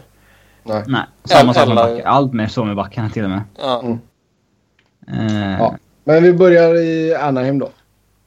Ja. Ryan Getzlaff. Ryan Getzlaff. första center, ja. Ja, ja är det Kessler du menar eller? Det är garbet. jag skulle nog faktiskt säga att Hampus Lindholm snuddar snudd på att vara en första back. Men kanske snart, inte riktigt dags, men snart. Ja. Eh, det känns väl som att han för att få den, eh, vad ska man säga? Lite poängexplosion behövs. Ja, jag tänkte säga det. Mm. Han är borderline där då. Ja, det känns um, väl så. Arizona, de har Pavel Datsuk. Jaha. Och sen har de Chris Pronger på backen. ja, exakt. hade det varit tio år sedan, så jävlar. Uh, jag tycker att Erik, eller Oliver Ekman Larsson är en legitim första back. Ja. Men de har ingen legitim första center, nej. Nej. Helt är det någon som räknar nu hur många vi kommer upp i? Ja, det gör Sebbe. Han är programledare. Jag räknar inte ihop detta. Tobbe, ta fram anteckningsblocket. Ja. Eh, Boston. Eh, de har väl en fullt legitim första center, tycker jag. Ja. Patrice Bergeron. Jag tycker mm. inte Krejci är en första center. Uh. Men Borderline. Ja. På gränsen mellan 1 och 2. Mm. Ja. Men en eh, eh fantastiskt jag, duktig tvåa. Mm. Jag tycker inte Chara är en Nej, första back. herregud. Du ska alltid överdriva. Du har ju sagt sådär om Chara i fem år nu. alltså han är ju fortfarande en back för ett första par. Alltså det, det kan man ju get done. Verkligen. Ja, tveksam. Ja men vad fan. Har du sett vad som spelar i första par runt om i ligan? Mitt, uh, mitt hat för Chara är stort. Det är Niklas-nivå på det hatet. Nej, du är fan värre. Inte, inte lika hög nivå som ditt hat för Niklas kan inte Det är bra. Ja, uh, Bergeron där då. Uh, Buffalo. Uh, ja, frågan är väl hur man ska förhålla sig till Jack Eichel. Mm. Uh, han kommer ju bli det. Men är han det nu? Nej, det är han Nej, inte. inte. Nej. Så det finns inget här. Ristolainen är väl... Det nej. Ristolainen är ingen färdig väl... första back heller. Nej, nej, nej. nej. Inte det är väl samma som Eichel att han kan förmodligen bli det. Mm. Jag tycker, alltså Riley är ju där och nosar, men nej, jag tycker inte det faktiskt. Mm. Eller, har jag... Jag är för bitter då. Han snittar ändå 60 poäng de senaste tre åren. ja, Niklas, vad tycker du? Han känns inte han känns inte, han känns inte tillräckligt flashig för att vara en första center. Är Bergeron det? Nej, men han är ju på en så pass hög nivå i övrigt. Mm. Mm. Men där går man ju lite på intryck och lite så och inte... Att han har vunnit. Men han har inte till och med leadership för att liksom ta hand om Evander Kane. Mm. Och sen att han fyller, kör och smiter drar ju ner lite helhetsintryck också. Mm. Ja. Ehm, så borderline på O'Reilly där då. Ja, jag vill nog ändå ha det. Ah. Alltså, jag menar... Titt, ju, alltså frågan är ifall han inte ska vara alltså... Jag menar som du säger Robin, titta på, eh, titta på hans siffror liksom. 60 poäng och väldigt, väldigt bra tvåvägsspel. Ja, Den är ja nej, han är legitim. Nej, Ja, det ja jag får slänga in. Roar där. Ja. Eh, Eh. vidare till eh, trams. Calgary. Eh, ja, alltså Sean Monahan är väl in, är han en legitim person? Nej, Alltså jag, Nej. jag är jävligt förtjust i honom och jag tror att han... eh, på väg dit. är Han har gjort poängen för det, men det är fortfarande något som saknas i hans spel tycker jag för att det liksom ska vara... Han ska vara den där dominanta första centern. Mm. Eh, det är inte han som är den drivande parten i kedjan när han spelar. Det är inte mitt intryck heller. Nej, Eh, det är liksom... Johnny Hockey. komplementcenter på något vis. Han har varit väldigt bra så. Han har, jag har för mig att hans eh, tvåvägssiffror inte är så jäkla bra heller. Uh, Giordano håller vi honom som första, cent- första back. Jag vet inte fan alltså. Eller är han lika bra som i fjol eller var det bara att hypen dog i... Jo det är han väl fan. 21 mål och 35 assist i år. Jag tycker väl fortfarande han är bra. Sen uh, försvann väl hypen lite med att han blev skadad och hela det här köret. Framförallt med att eh, Calgary sög i år. Ja, ja. Doggy Hamilton kan ju definitivt bli det också. Så han, men han, Men det är fringe, fringe. Back för topp har legitim etta. Nej, inte än. Inte ännu. Ja. Ja. ehm, Carolina. Inget går vidare. Ja. Chicago. Nej, alltså de har ju... Justin Falk är ju en fullt legitim toppback. Ja, det är.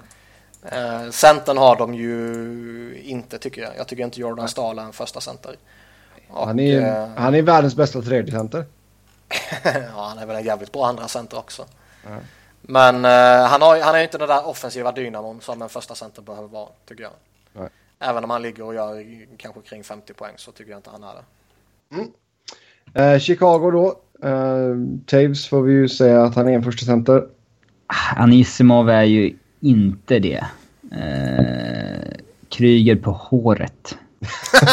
Men eh, övrigt har han väl inte någon centra som är värda att nämna. Eh, nej, det skulle vara typ Desjardins eller Rasmussen. Men det, eh, Men jag tycker... Det är klart att Taves är en legitim första center. Ja. Eh, ja. Däremot är han så- inte ligans bästa center. Inte i Nej. närheten. Nej. Och sen Duncan Keith. Keith, ja. Första. Legitim första back. Ehm, kan, vi slå, kan vi slå ett slag för Seabrook också eller nej? Nej, nej, nej, nej. Nej. Nej, nej. Usch! Ja, Fy! Nämn aldrig honom igen. Okej, förlåt, förlåt, förlåt, förlåt. ja, vi Eh, måste Color- ju kunna nämna honom om vi ska kunna håna honom. Mm. Eh, Colorado. Eh, ja, Inget går vidare. Jag tycker väl att Barry och Eric Johnson är väl typ två år egentligen. Mm. Eh, Barry Barry ju kanske blir det en... för att kunna bli det. Ja, det krävs en lite... Litet lyft offensivt. Mm. Det ska liksom upp mot 60 poäng. 65. Eh, vi får se vad han får för kontrakt nu. Man lär ju få betalt för att göra så mycket poäng. Så då får han fan göra det också. mm. Eh, eh, centerpositionen då? Duchene har ju sina brister, men Alltså det tittar känns man på hans 5 mot 5 produktion ända sedan han kom in i ligan så är han liksom topp 10 bland forwards i... i bland, så att... Eh, I princip, jag har för mig att det är så. Jag minns inte exakt. Men, men eh, jag... Hans produktion rättfärdigar att han är en första center enligt mig. Okej. McKinnon har ju faktiskt alla möjligheter att bli det också. Ja, han borde bli det faktiskt. Det skandal. Mm. Så Duchene in där då. Och sen tillsammans. Duche- Duchene- tillsammans så blir Barry och Johnson en etta. Ja, fan. Får vi klona ihop spelare nu så tycker jag väl att Hamilton och eh, Brody också blir en etta i så fall. Ja. De har ett kärleksbarn och så blir det en etta. Ehm, Columbus. Nej, Seth Jones är bra men ingen legitim etta idag. Nej. Skulle vi gå efter de här parametrarna att ja, tillhör han de 30 bästa backarna i ligan? Ja, då är en etta. Men inte den legitima ettan när vi ska snacka i de termerna. Nej, alltså det är ju inte säkert att vi kommer upp i 30 spelare på varje position. Nej, för fan. Det är klart vi inte Nej. gör. Nej. Så nej, Seth Jones inte ännu. Eh, och de har absolut ingen center heller som är... Nej. Så vidare till Dallas. Hånar du Wennberg så hårt alltså? Han Det spelar ligger nästan ju... ligger inte riktigt i din natur annars ju. Tog det där jävla året i Frölunda alltså. Jävligt irriterande. Det är ju det som gör honom så älskvärd. Eh, ja, Dallas. Ja, de har ju både och ju. Håller vi klingan där alltså? Eller räknar du Chris Russell fortfarande som en star? Nej, jag snackar Odoja. Men alltså producerar han på den nivån han producerar på och är en av ligans bästa producerande backar så tycker jag det är fullt legitimt att kalla han en riktig första back. Man behöver inte längre spela Eh. försvarsspel för att vara en back. Nej, typ. Nej, men det finns en ny typ av försvarsback. Ja. Ja. Mm. Så Klingberg in och... Har, har, de, har de två första centrar? Och då menar då, då räknar jag fortfarande Jamie Benn som winger. Ja, jag spetsar en första center.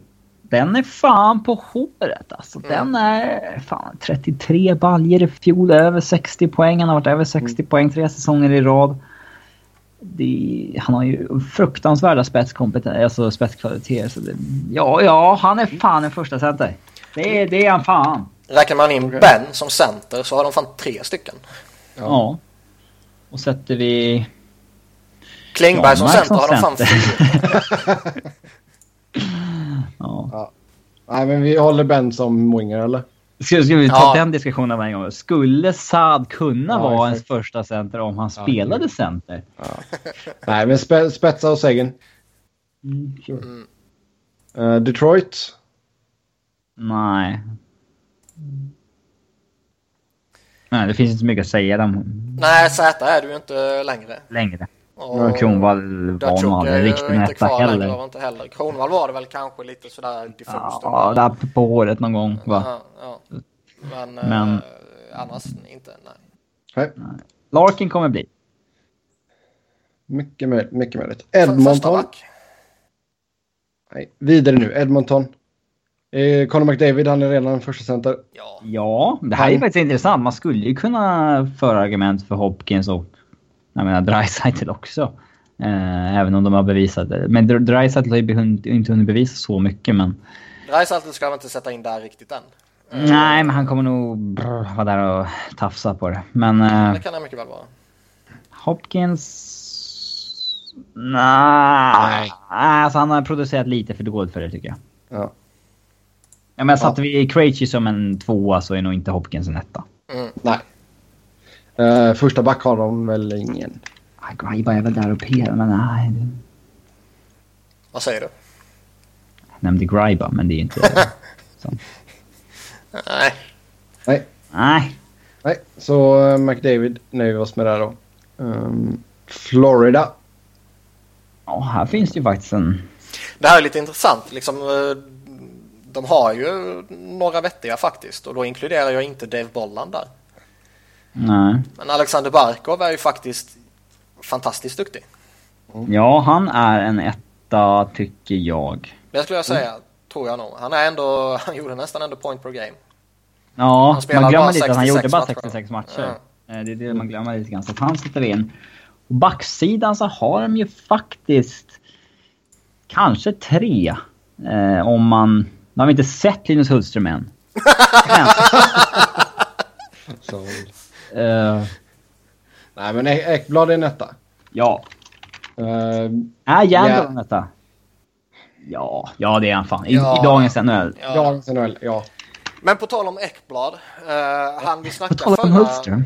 så han vi pratade förra avsnittet om hans eh, kontrakt. Ja, Jag minns det var inte. väl att han... Nej, det snackas ju om att de ska slänga upp åtta år eller sju år på 7,5 Ja. i förtid då, då. Han har ett år kvar på eh, sitt ELC. Och det, jag skulle väl inte slänga upp det kontraktet nu. Jag hade väl sett ett värde i att signa honom nu tidigt om man kunde få honom liksom på sex Sex, ja, eller något sånt där. Men liksom, man har ju inget att förlora på att vänta ett år. Se honom utan Brian Campbell som vi vet har väldigt bra inverkan på de han spelar med. Mm. Och liksom Även om man har en monstersäsong igen, han kan ju inte begära mer än 7,5. Nej. Om, han, om, man, om, man skulle, om man skulle utvecklas så enormt mycket så han gör liksom 90 poäng nästa år och liksom inte inne på ett enda baklängesmål, visst då får man väl ge han 10 millar. Men... Eh, men det sker ju inte.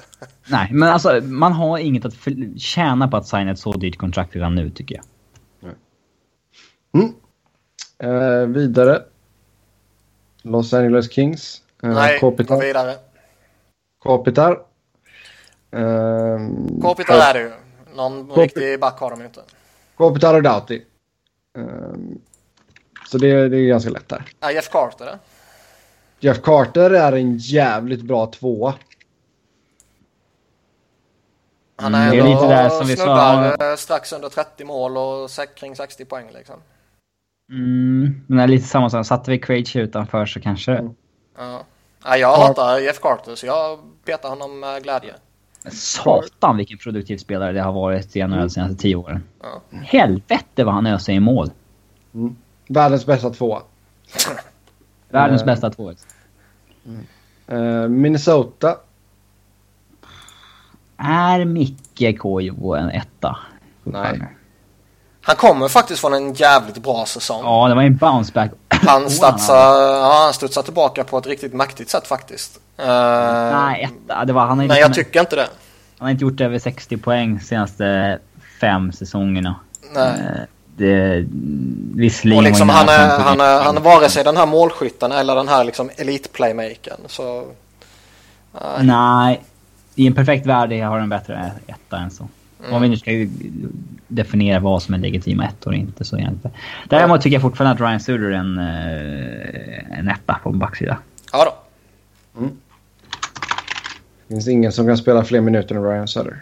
Det finns nog fler som kan, men det är inte så många andra lag det testas. Nej. Eh, Ja. Montreal. Montreal Canadiens. Ja, det är klart att Subban är en etta, men det finns ingen center. Nej. Det finns inte så mycket mer att säga. Nej, vidare går vi. Nashville. Smashville. Smashville. Här, kan, här är ju fan många som är... Liksom, är Johansson en etta? Webber tycker jag fortfarande är back för första par, men inte en legitim etta i dagens NHL längre. Jag ser ju en given etta i alla fall. Ja. Så, är- så är det Roman Josi som en etta. Ja. Jag vet inte om jag är så... Ah, jag... Jo. Jo. Ja, hade vi med Jandel så får vi ha med Josi. Ja. Jag tycker ju Ryan Johansson tycker jag nog man får inkludera ändå. Så han är bättre än en Krejci till exempel som vill ha utanför.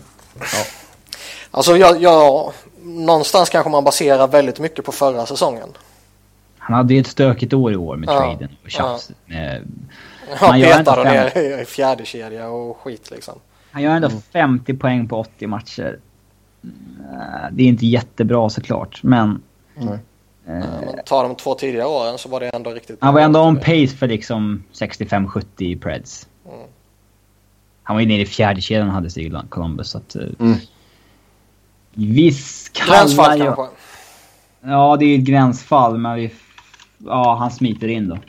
Sätt någon asterisk, asterisk där. Han är väl den sämsta av de centrum som kommer in förmodligen. Mm. Eh, ska vi se New Jersey. Nej. Och Nej. nej. Nej. Eh, New York Islanders. John Tavares. Eh, Ja, John han Tavares är- en legitim etta. Ja. Jag tycker... De har väl ingen legitim första back har de det?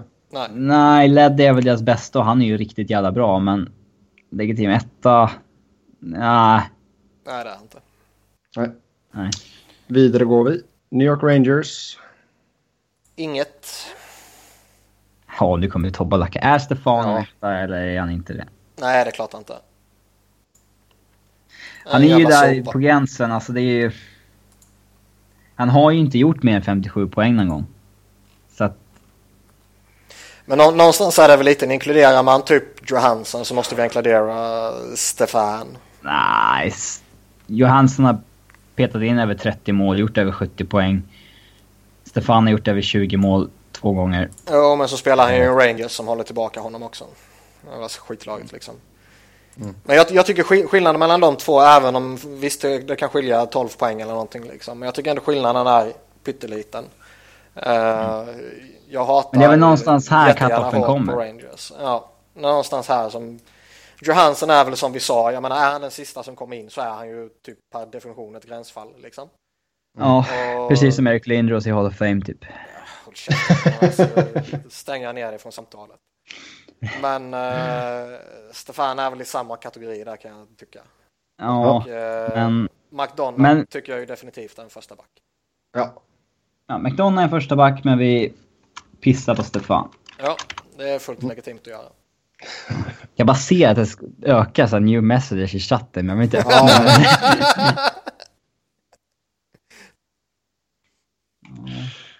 ja.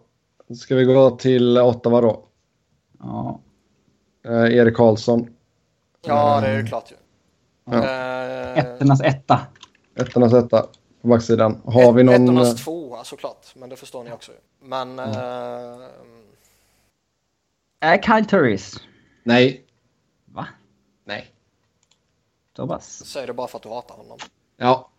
Ehm, om man tar den här lite bredare eh, definitionen Ja. så tycker jag nog man kan liksom kanske Han är, han är, eventuellt han är ju den här uh, Johansen, Stefan Ja. kategorin också. Ja, men jag tycker inte om, om vi ska vara lite hårda och börja liksom vinkla lite mot att han är franchise center och så vidare så tycker jag inte att han har kommit på den nivån.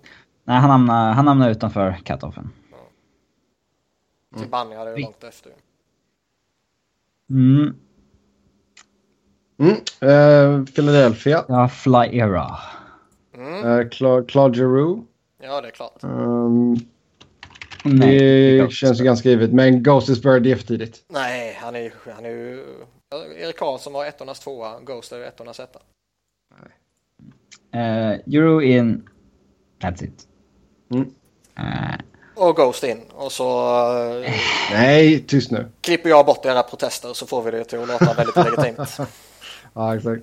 Eh, Pittsburgh, där har man ju Malkin och Crosby då. Ja, båda två. Ja. Ja. och Letang, ingen snack. Och, och sen har du Letang. Um, alltså jag tror Folly Mäter bara var frisk. Så har han Han har, sett så jävla, han har sett så jävla mycket sämre ut efter de här skadebekymren alltså. Jo, men det är ju inte så konstigt. Nej, men det är ändå en indikation på att Ja, men får pojken bara, vi, vi önskar honom att han får vara frisk. han är finne. Jo, men det, med de jävla problem han har haft med både cancer och skador. Det ja, är men han är ju inte i närheten att vara en första back för fan. Nej, nej, nej. Jag säger att han har potential. Nej. Men Letang, absolut. San Jose Sharks. Vi kan börja med att slänga in Burns eh, på backsidan. Är Vlasic en etta? Ja, Ja. ja, Ja, i och för sig, är McDonald en etta så är Vlasic ja, ja, Vlasic är en etta. Burns. Niklas? Jag kan väl uh, vika mig för den även om jag tycker han är gränsfall. Ja. I år hade han en eh, riktigt bra säsong med, alltså, alltså, poängmässigt. Ja, är men ska, ska, det, ska, det, ja, men ska det vara en etta ska du liksom göra mer än 20 poäng som han har legat kring de senaste åren bortsett från eh, den här säsongen. Men Ja. liksom spe, spe, spel, jag, nu pallar jag inte kolla exakt vilka han spelar med mycket men känslan är att han spelar mycket bakom. Thornton och. Pavelski och med Burns och sånt här liksom. Och då får du ju eh, en del gratispoäng. Han är en duktig back men jag skulle inte sätta honom som en, eh, som en etta. Nej, vi kanske plockar bort honom. Ja. Vlasic bort. Okej, nu blir det ju klurigt. Thornton är givetvis en etta. Couture är en etta. Är Pavelski en center eller är han en... Han spelade ju väldigt mycket, de hade ju ute Thornton på en vinge till och från. Mm. Så de, Thornton och Pavelski, de var ju, de typ kombinerades ju av att vara center så att säga. Ja, så att säga, de har tre stycken spelare som är... Skulle kunna vara första center i ligan. Ja. De tre kommer in, tycker jag. Men inte vann någon Stanley Cup för det. Saint, St. Louis Blues. The Blues! The Blues. Um, Oh, Ja. Här är det många gränsfall också. Peter Angelo Shattenkirk.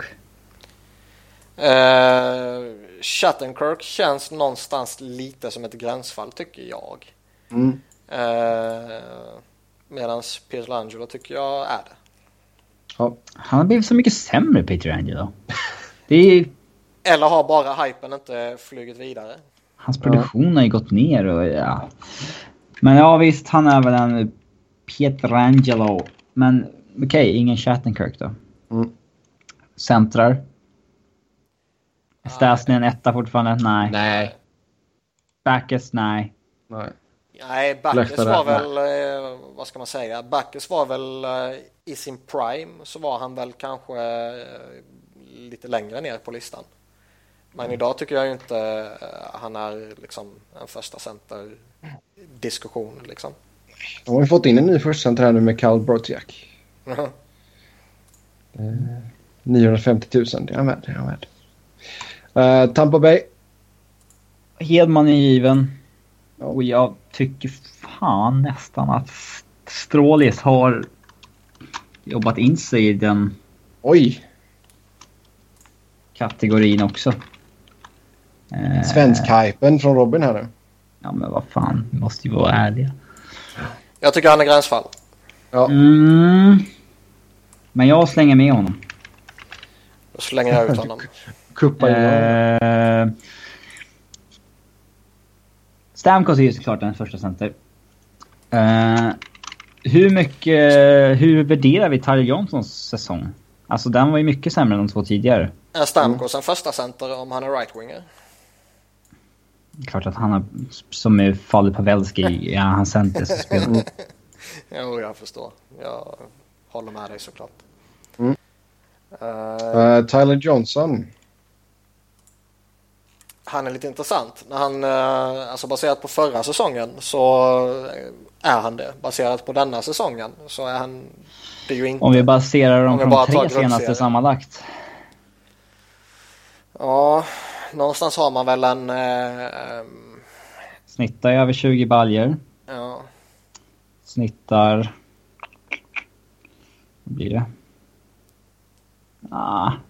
en gränsfall tror jag. Det blir Kyle Turris kategori, eh, Stefan-kategorin där. Mm. Eh, Toronto. Mm, Toronto. Nej, nej, nej, nej, nej. Är eh, Austin Matthews en första center? Det kan vi inte svara på. Nej. Vad är det för fegt jävla svar? Ja, men, Morgan Riley? nej. Nej. Nej, ingenting i Toronto. Matt Hunwick. Ehm, Vancouver. De har ingen back i alla fall. Nej. Nej. De... De har flera som har varit där och nosat men inte är det längre kanske. Mm. Vi frågar om Henrik Sedin fortfarande är en första center. Så svårt för det känns som att nästa säsong kan han lika gärna ligga kvar på eh, samma liksom 50-55 poäng som han gjorde. Eller så kan han lika gärna komma upp och vara point per game igen. Mm. Det Eller- känns, eller kändes ju kraftigt på väg ner efter säsongen 13-14. Men Mm. mm. så han tillbaka i fjol. Det ju bara så jävla pissigt lag. Mm. Men ja, jag skulle nog slänga in Henrik Sedin. Då får du la göra det då. Eh, Washington. Bäckström är en första center. Ja. Nej, Jo! börja, inte, börja inte med mig nu igen. Det här orkar jag inte. ja Jag det är har klart. sovit för lite. Frågan är ser han ut som en första center för att han spelar med Ovechkin? Ah, gud. Skit. Eller... ja, det, är klart,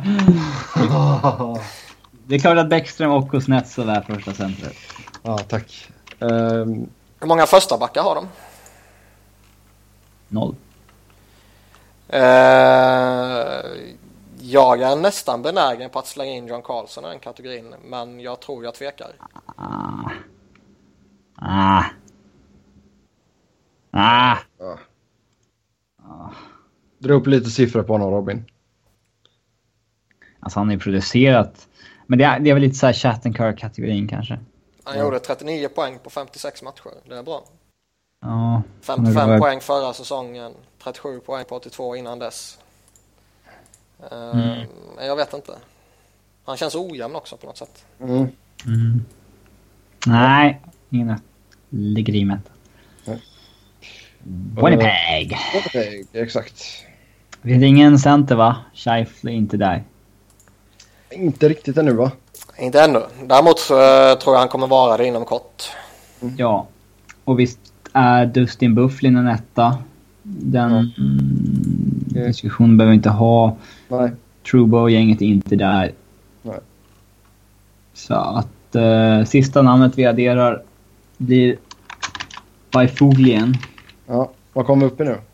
Vi har kommit upp i...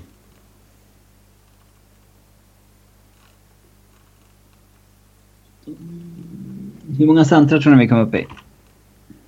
Mm, 20, Ja. 22. 22 exakt. Mm. ja, okej. Ja. 22 exakt. Och hur många backar? 18.